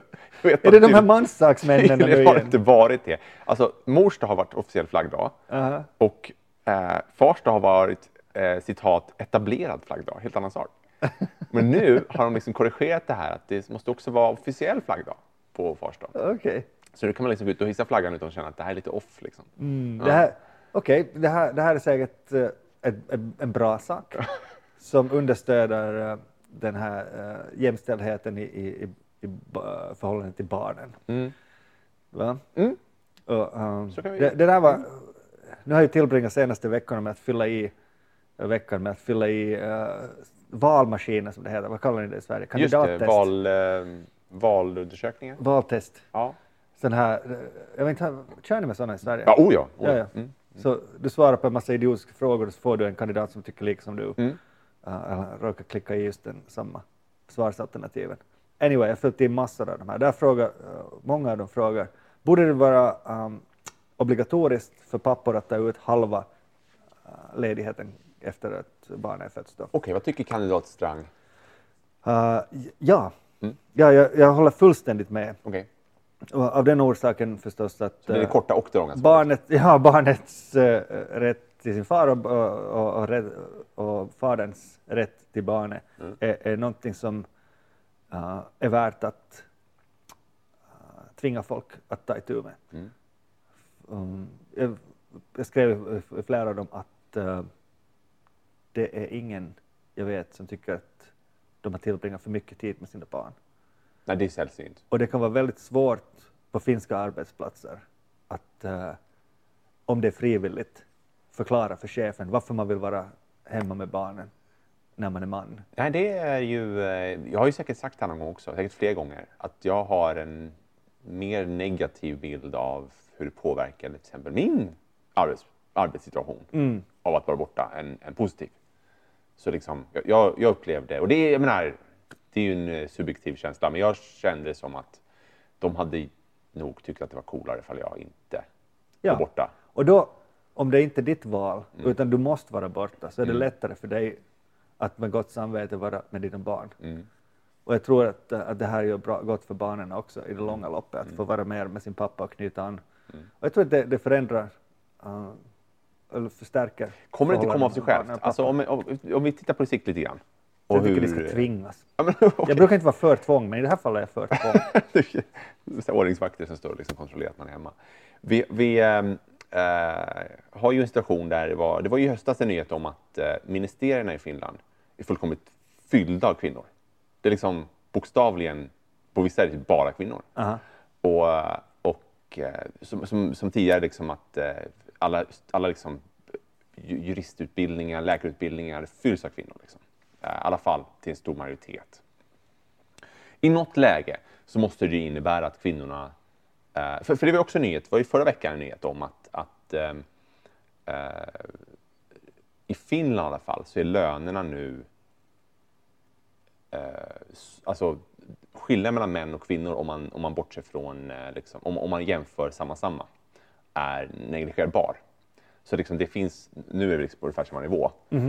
Nu ska jag säga att det här var ju en forskare då, och vad vet jag, det är säkert någon som lyssnar på det här som säger Om det är forskning så är det säkert sant. shut up liksom, det där är helt fel. Men det var, jag tycker det var intressant, för det var ändå en ganska lång text om det och det var, det var just att, att trenden går ju ditåt. Det är inte så att det går liksom som att klyftorna ökar, utan det går ju mot att det här håller på att hända. Om man då drar den rimliga slutsatsen att om det nu är så att alla kvinnor har bättre utbildningar, eh, är bättre utbildade, alla Högre. kvinnor, högre utbildade, eh, så i något läge måste det börja synas.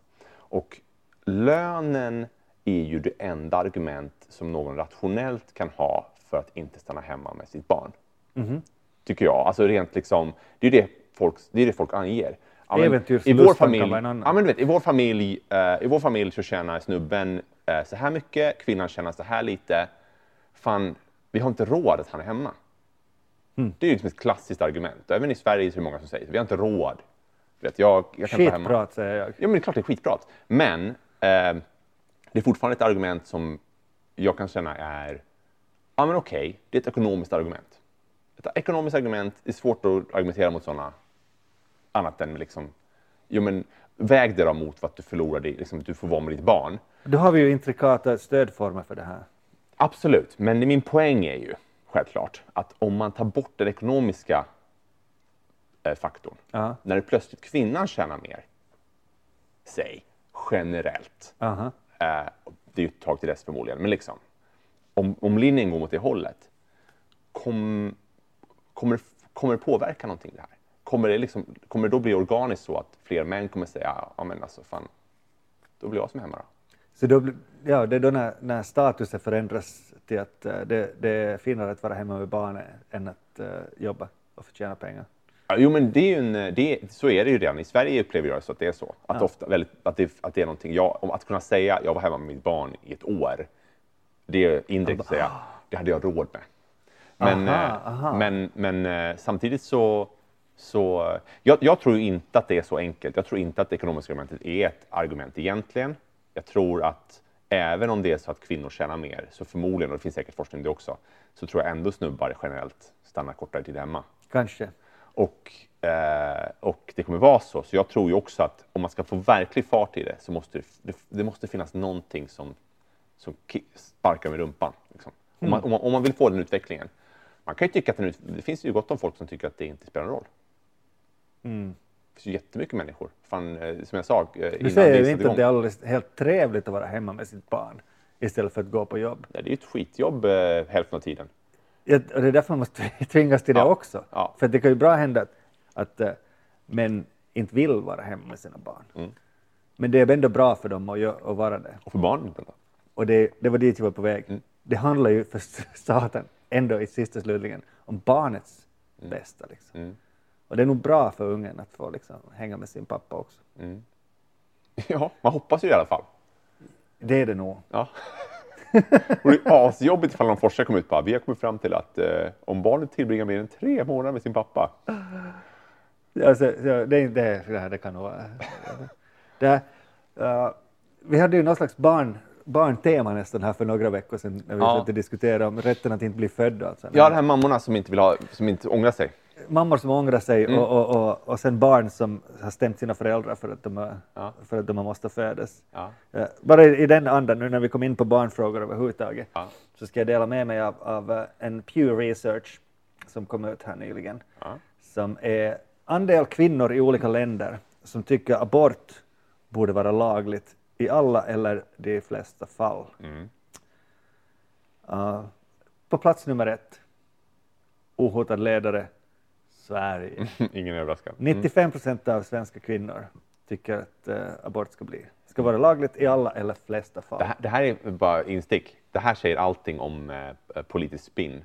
Det är fortfarande en politisk fråga i Sverige. Det finns ju fortfarande politiker som tycker att det här, det här är min grej. Och som Jaha. får det låta som att det är en, alltså, som att det är en kontroversiell... Fråga. Det finns det är inte 50-50, det finns massa kvinnor som... ja. om liksom, när, Den tysta majoriteten Ja, vågar inte säga vad de tycker. när 95 procent tycker någonting generellt så är det förmodligen... Nu talar vi dessutom om, bara om kvinnornas åsikter här, alltså inte, inte vad landet i, överlag tycker. Jag Det, gissar att männen har en annan åsikt. det kan hända. Uh, Finland, 86 procent av kvinnorna tycker att det ska vara. Där är en liten dropp. Mm. Sen eh, United States, 60 procent av kvinnorna Oj! 40 procent tycker inte så. tycker inte nej. Nej. Där är det ju faktiskt en stridsfråga Ja. fortfarande. Sen, eh, sen hamnar vi in på, på den här sviten Po- Polen, Ryssland, Ukraina som ligger mellan 35 och 40. Och sen eh, eh, längst ner på den här listan Georgien. 12 procent av georgiska kvinnor tycker att abort ska vara lagligt. Oj! 12 procent. Ja. Man har lite annan syn på saker där tror jag. Det kan man säga. Mm. Jag undrar hur, hur man skulle få, vilket resonemang man om, om man delar upp det där i ålderssegment. Mm. Hur skulle det se ut då?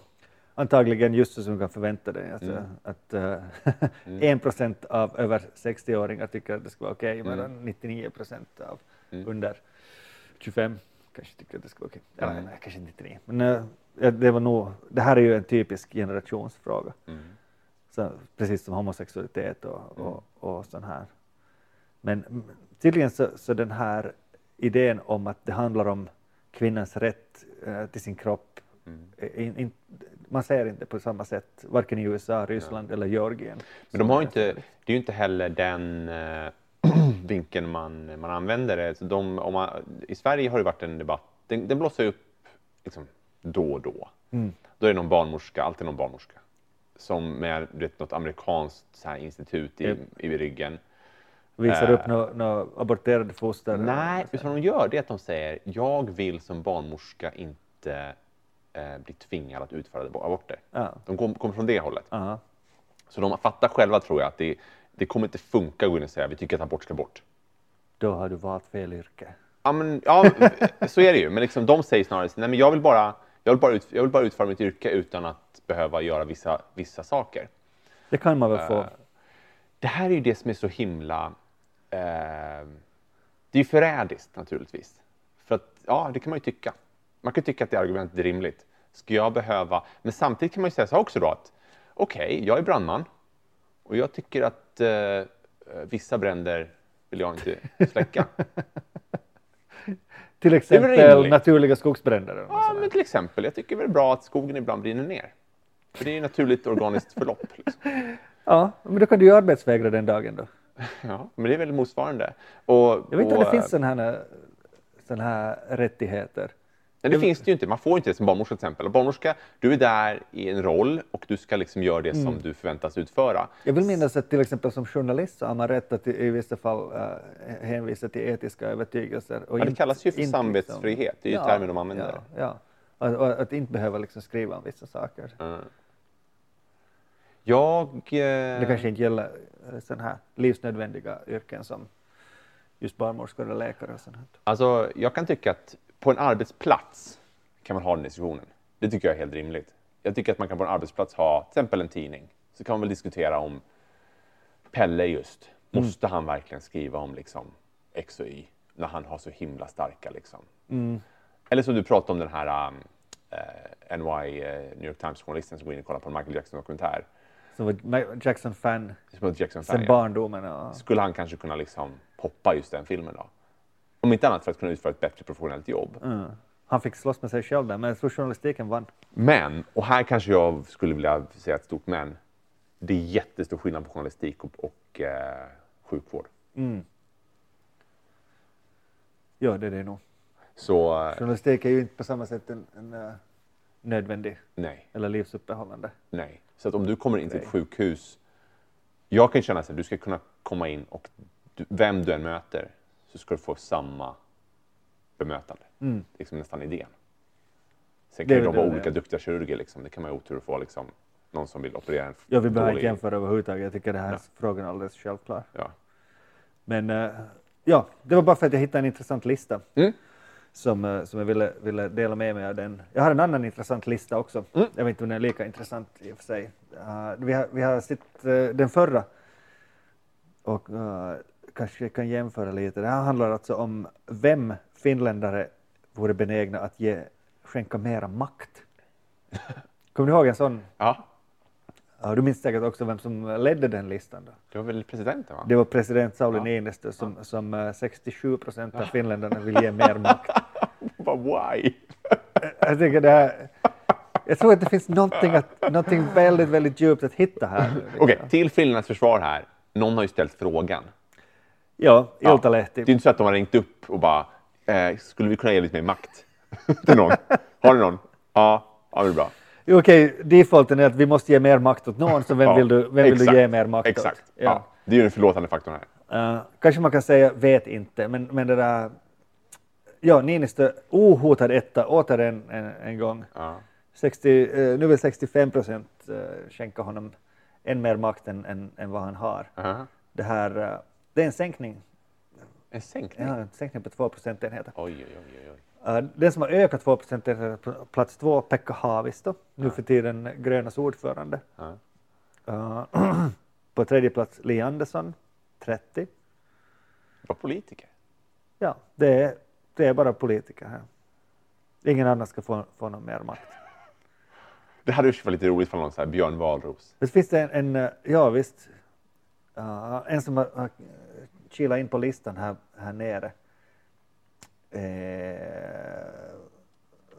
vänta nu, vad var den? Nej, den som hade ökat mest, förlåt, det var det som jag talade var, var den här justitieminister Antti Häkkänen. Jag vet inte, säger det dig något? Jag vet knappt vem det är. Han har ett fascinerande utseende. Mm.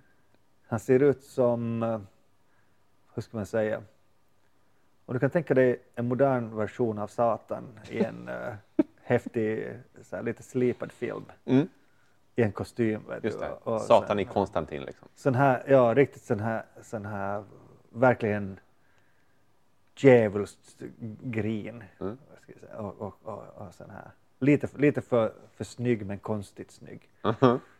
Slå upp Häkkänen så förstår du exakt vad jag menar. Ja, ja, jag. Honom vill finska folket nu begåva med 5 procentenheter mera makt än vad han haft tidigare. Han, han vill, eh, tidigare var det 20, 20 procent som ville ge honom mer makt. Nu är det 25 procent av alla tillfrågade som tycker att Häkkänen ska få bestämma över mer saker Ja. än, äh, än vad han har gjort tidigare. Mm. ja, men han är justitieminister. Det måste ju vara duktig på, eh, på eh, vad som är rätt och fel, eller hur? Ja, han har gjort vissa populistiska utfall som säkert står, står att förklara det här. Så han kallas den, den han är 32 år gammal alltså. Mm. blev justitieminister vid, eller vid 32. Mm. Så han är väl 33 nu kanske. Snygg kille ju. Alltså snygg är väl det första man tänker, men sen också, att, vad är det för ett utseende det här? Alltså, det är ju inte normalt finskt utseende det här. Eller normalt mänskligt utseende för den delen. Ja, ja, jag håller med. Han, han har ett säreget utseende, det är sant. Han borde ha blivit en, en eh, skådespelare. Det är helt korrekt. Ja. Exakt vad han borde blivit. Ja. Ja. Nu är han istället justitieminister. Just det. Ja. Det är lite samma sak. Mm, den, den, eh, nä, nästa superstjärna i, i Samlingspartiet. Har du hört om hans norska eh, motsvarighet? Nej. Eh, Justitieministern i Norge? Ja, norska justitieministern sambo eh, anmälde att eh, flera stycken hade tänt eld på deras bilar. Aha. Eh, Hur många bilar har de? Ja, det var en sån sak. Nu är det ju normen. Men säkert nu visar det sig att eh, det var förmodligen hon som satte eld på bilarna. Så hon är gripen nu. Justitieministerns sambo. Huh. Mm. Eh, vad jag förstod tog han en timeout nu, Hmm. ministern. Det var ju inte så bra. Ah. Han, han är inte lika bildskön som äh, Häckaren, men, men ehm, han... eh, Bildskön är antagligen vad Häkkänen är just Visst är han det? Ja. du är väldigt fascinerad nu. ja, jag tyckte faktiskt han var en snygg kille. Jag, jag har ju sett honom förr. Jag, bara, jag har liksom aldrig gjort kopplingen mellan justitiedepartementet och Okej. eh, jag läste för lite om, om dem förmodligen på nyheterna. Men- Han, inte- så mycket har inte varit nyheterna, eller hur? Mm, kanske inte de nyheter som du följer med. Nej, Nej, kanske inte. Nej. Jag läste ju bara HBL på veckosluten Mm. och sen så resten av tiden läste jag ju liksom... Han är- dyker inte upp i mitt flöde. nej, nej. Däremot sy- syns han nog eh, frekvent, Mm. i, i, speciellt i Tians nyheter. Mm. Mm. Men eh, den norska justitieministerns hustru har alltså tuttat eld på deras bilar och anmält det uh, illdåd Ja. för polisen. Ja, var, var på de Och kom fram till att det fast. var, det var nog hon själv. Jag kan, jag kan känna så här att det är ju en underbar, liksom, eh, för att eh, då har man ju... Har hon tappat förståndet eller vad var grejen här? Man undrar ju, alltså, man får, får se vad nyheterna kommer fram till, men det är ju en, det är en helt fascinerande, liksom. Tänk att du är justitieminister och så börjar folk bränna en bil. Det är jobbigt, det är stressande. Och så plötsligt bara, vänta, var det du? Det kanske inte är sambo längre. då. man får nästan hoppas med det. Jag menar, I det läget så går man ju inte in och bara, jo, vi är... Det är lite så sådär, nej, jag tror vi gör slut nu. Alltså. Du sabbar min karriär, du brände min bil. Ja, precis. Vem fan bränner en bil överhuvudtaget? Vem bränner en bil, ja? Jag vet inte. Om du inte bor i förorten i, i Angered Jag eller? vet inte. Eller kör buss i Stockholm. Ja, fan, vad var det för? Det var ju också. Där ser du hur spekulativ. Bra, vi, vi glömmer den här bilbrännaren i Norge nu. Mm. Kan vi hoppa direkt till, till gasbussen som exploderade Ja. på Södermalm, eller var det söder om Söder? Nej, det var Klaratunneln. Det var ju eh, precis vid Central station. Just det, det var alldeles där ja. ja. Helt i centrum. Mm. Uh, de, de kablade ut genast, uh, fick såna pushnotiser från två eller tre olika tidningar att uh, en buss har exploderat. Det var allt man visste. Mm. Och, och, vad, vad tror du det första man tänker? Nej, men alltså, terrorattack, självklart. Ja, så vad i helvete! Ja, ja. Tutar ni ut den här nyheten då för, före ni vet om det är en sån? Ja, ja.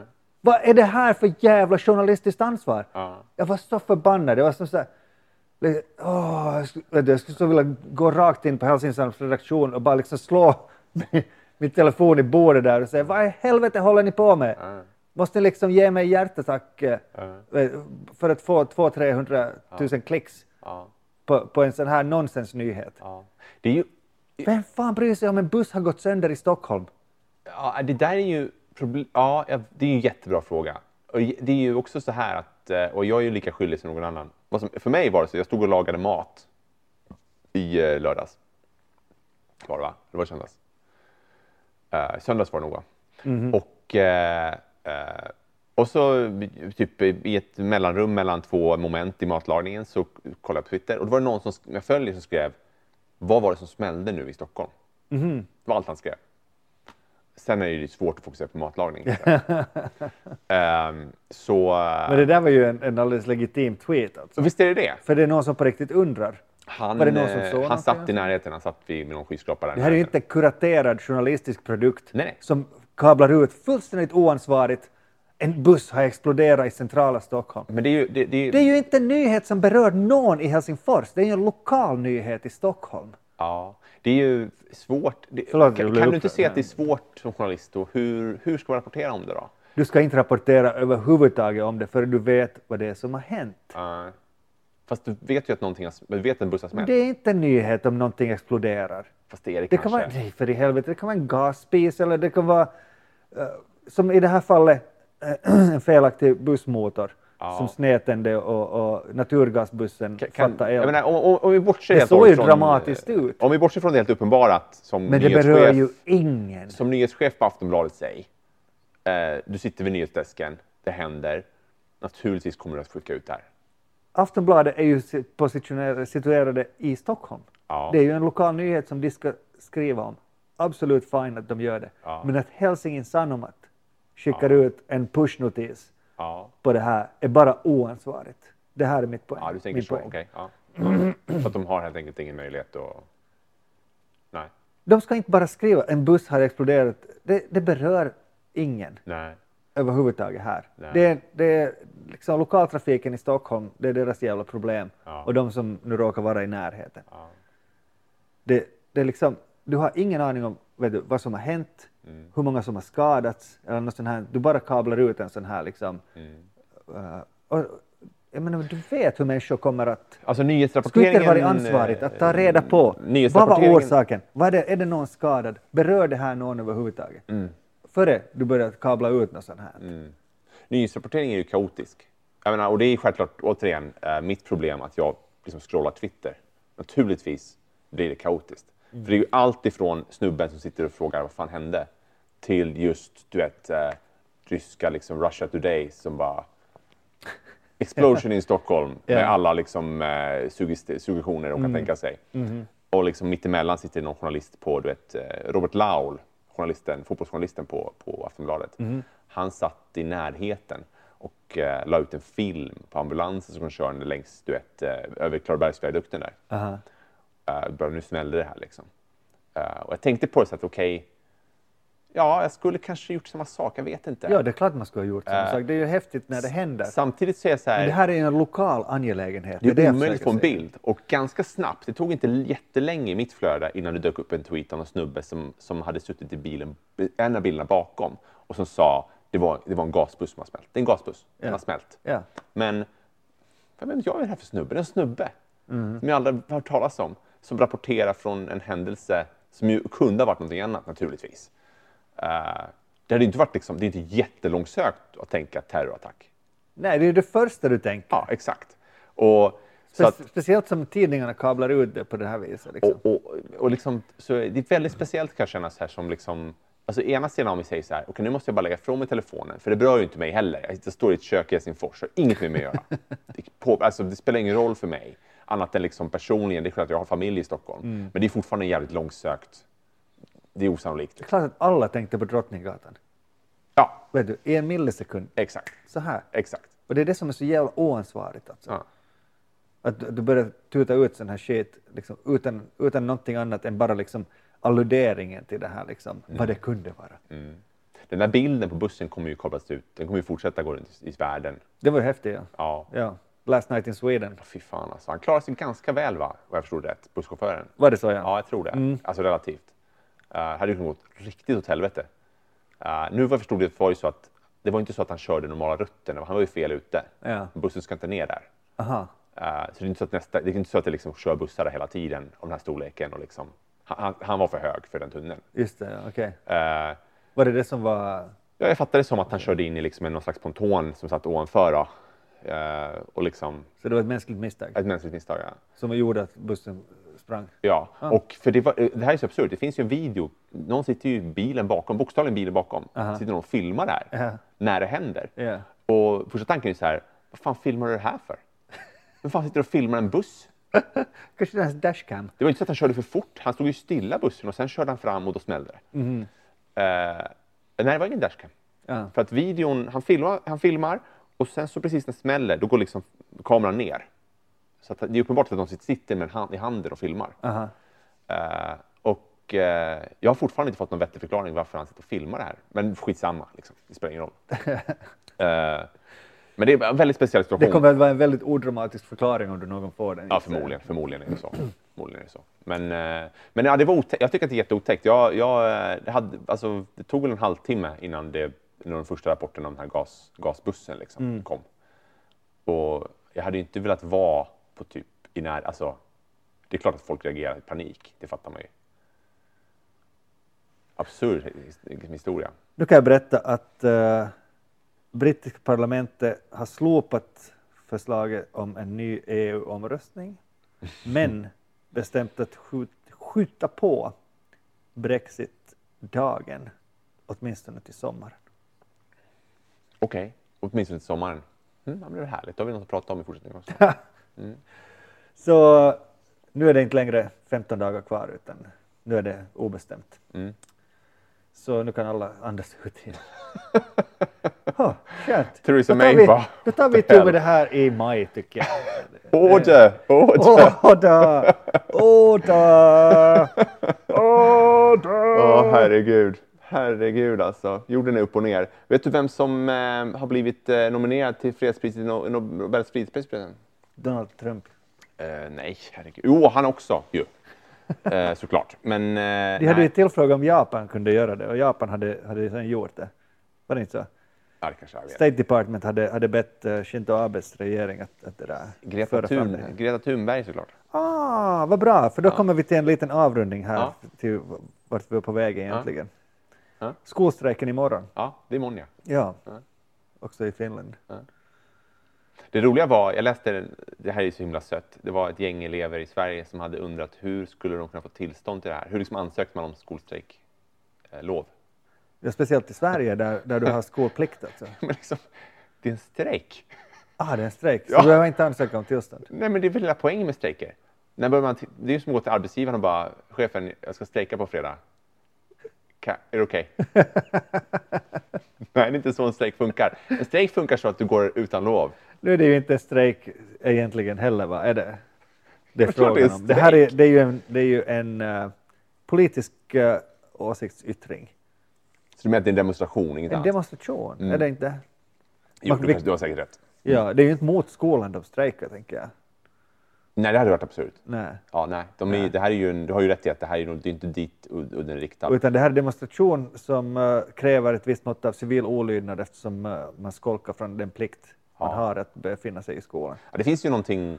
Du, För att nu vara, vara helt på det klara med begreppen här. Alltså, det finns ju någonting, eh, och det här är ju, det är ju någonting som, det här, är bara en sån sak, när, när den här, det var, det var norska riksdagsledamöter som nominerade Thunberg till priset. Aha. Och och eh, jag vet inte, var de, men någonstans var det typ svenska regeringsmedlemmar liksom, medlemmar som liksom tyckte det här var någonting fint.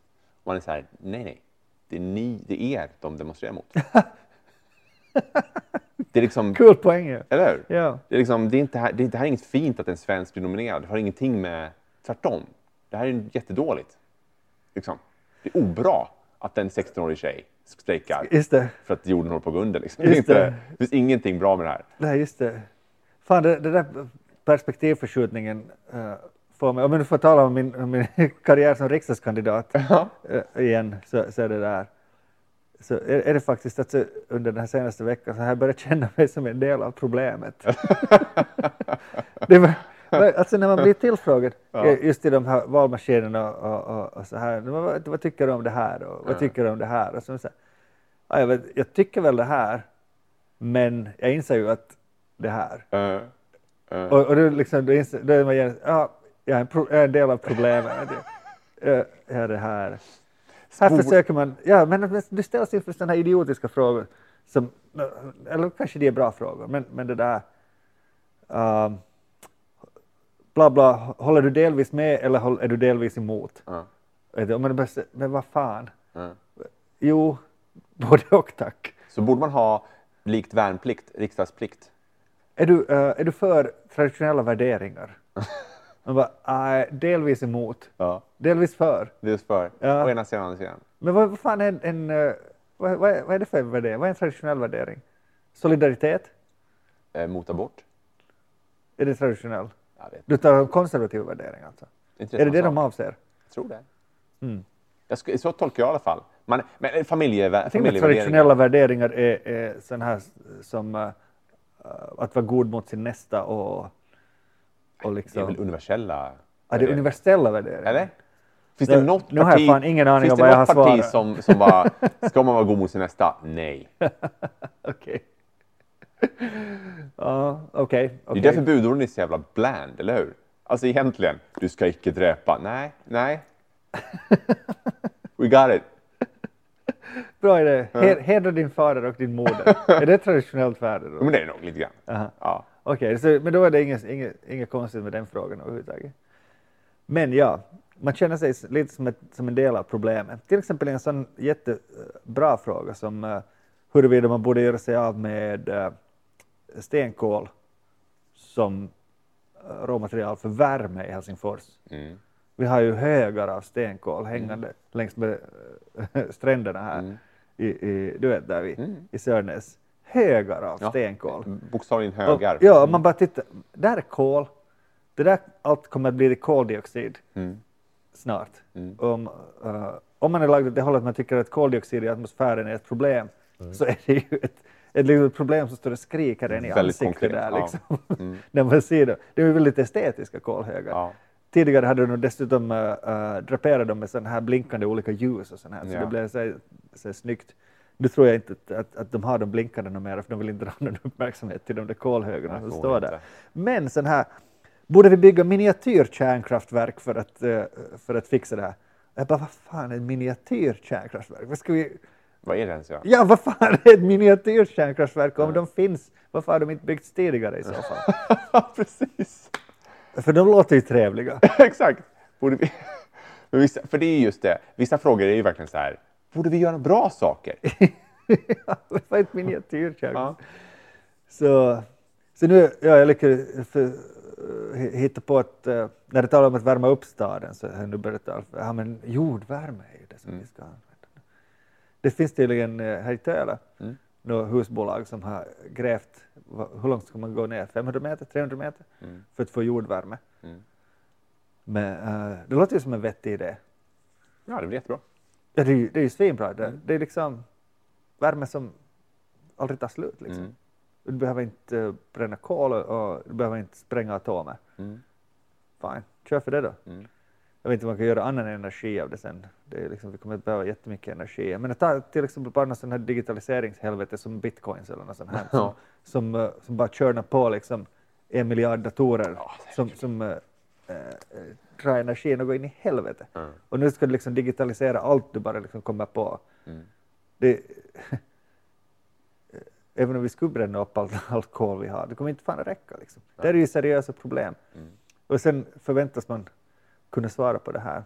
Eller jag tänker mig att om man nu ställer upp så måste man ju komma med något slags svar på det här. Mm. Man känner sig som en del av problemet eftersom man helt enkelt inte vet tillräckligt mycket. Men är inte det nyttigt då? Och så här. Det är ju nyttigt att lära sig en massa. Ja, liksom. är det jag menar. Nu vet jag till exempel att det finns något som miniatyrkärnkraftverk. Riksdagsplikt säger jag. Du vet. Mm. Alla medborgare måste sitta ett år i riksdagen. Ja. Mm. Mellan, mellan så här... Det låter som så här ny atensk idé från Mm. antiken verkligen. Ja. Där fanns ju så här härlig etos att, äh, att äh, den som vill bli, den som vill ha makt inte ska tilldelas den. Nej, det är mycket bra idé. Ja. Mm. Och därför har jag alltid tyckt att det är oerhört osmakligt när, när, när det går bra för någon politiker eller parti, hur de jublar över att de får den här makten. Mm. Så eh, tvärtom så borde man bli liksom, slagen av, av en sanningens insikt och, och liksom, drabbad av liksom, ansvarets tyngd. Just det, Damoklessvärdet liksom. Ja, ja. Det här, nu, är det, nu får du fan fixa det här. Det är Mm. ingenting att jubla åt. Vi har allvarliga problem som måste styras upp. Mm. Vad fan jublar du åt? Mm. Sådana tankar idag. Strang Från- 19. Strang 19. Strang eh, kandidat nummer 198. Du har fick numret ja. Där fick jag in dig. ja. Japp, 198 i Helsingfors valkrets. Obunden kandidat för svenska folket. På den goda sidan. På den goda sidan. Snart ska jag få upp min hemsida också. Har hållit på att slåss med ett par kompisar om hur den ska se ut. Vi har väldigt olika åsikter. Ja, ja. Det är bra. Jag vill ju kunna se mig i spegeln 15 april när Mm. valet är över. Alltså. Mm. Det tycker inte de att det är ett problem. Nej. Nej. Nej, de har en annan syn på det. Ja. De, de tycker jag ska fika efter röster. Ja, ja, ja. Okej. Mm. Okej. Så att, eh, det finns par, en konflikt om ett par poddar så kommer du att prata om att slänga ut mig ur landet. Ja, jag vet inte hur vi ska få, hur vi ska få det här, den här invandringsfrågan på styr. Ja. Jag skrev någonstans att eftersom det inte regnar ner människor från himlen så är vi tvungna att ta in du, från alla kanaler vi bara kan. Vet Mm. du. Frivillig invandring, vi borde ha fucking tvångsinvandring. Alltså. Ja, faktiskt. Ja. Ja. Vi har ju uh, lyssnat på Farid Zakaria på CNN. Han hade eh, en uh, ganska häftig uh, översikt över vad som har hänt sedan arabvåren nu Ja. i de här länderna. Och bara demografin där är ju alldeles vansinnig. Alltså. Alltså? Ja, du har alltså fruktansvärt mycket tonåringar, och unga vuxna och barn. Ja. Medan samhällena sen styrs av det här tunna skiktet gubbar med 1800-tals, Mm. eller ska vi säga 16, 600-tals värderingar. Ja. Så, så jag menar, vi, vi har nog en, en intressant tid framför oss Mm. som, som vi politiker måste ta ansvar för. Här är det tvärtom. Det bästa Nej, ansvaret... eller tvärtom är fel ord, men här, här, är ju bara, här kommer det bara massa gamlingar och inga barn. Ja, här är det tvärtom. Ja. Ja. Ja. Ja, Vad jag menar är att eh, så, så det, det är liksom, om man tror på, på horror vacui, så liksom eh, att allting utjämnar sig på något sätt, Mm. så, kommer, så kommer det att bli en, en, eh, en naturligt liksom inflöde av människor från eh, de här ungdomliga länderna hitåt. Mm. Och det, det är någonting som vi kommer att behöva. Mm. Men det- Men det kräver liksom väldigt mycket förberedelse Mm. här för att kunna integrera dem i ekonomin här. Liksom. Mm. Så där är utmaningen, säger jag. Jätte, jätte utmaningen verkligen, Mm. på lång sikt. Så sådana tankar idag Härligt. från riksdagskandidat Strang, nummer 198 i Helsingfors valkrets. Ja, det är bra. ja. Vi, ska, vi, ska eh, vi korva av där? vi gör väl det. Vi har en match att se fram emot ikväll. Arsenal ska spela mot Rennes, ligger under med vad är det, 3-1 3-1 ja. mm, och måste alltså vinna 2-0 hemma. 2-0 hemma. Ja, Mm. lär inte bli något problem. Gott mos. Japp, eh, det håller jag med om. Mm. Och eh, tills nästa gång, Tills nästa gång. tack för oss. Tack så mycket. Hej.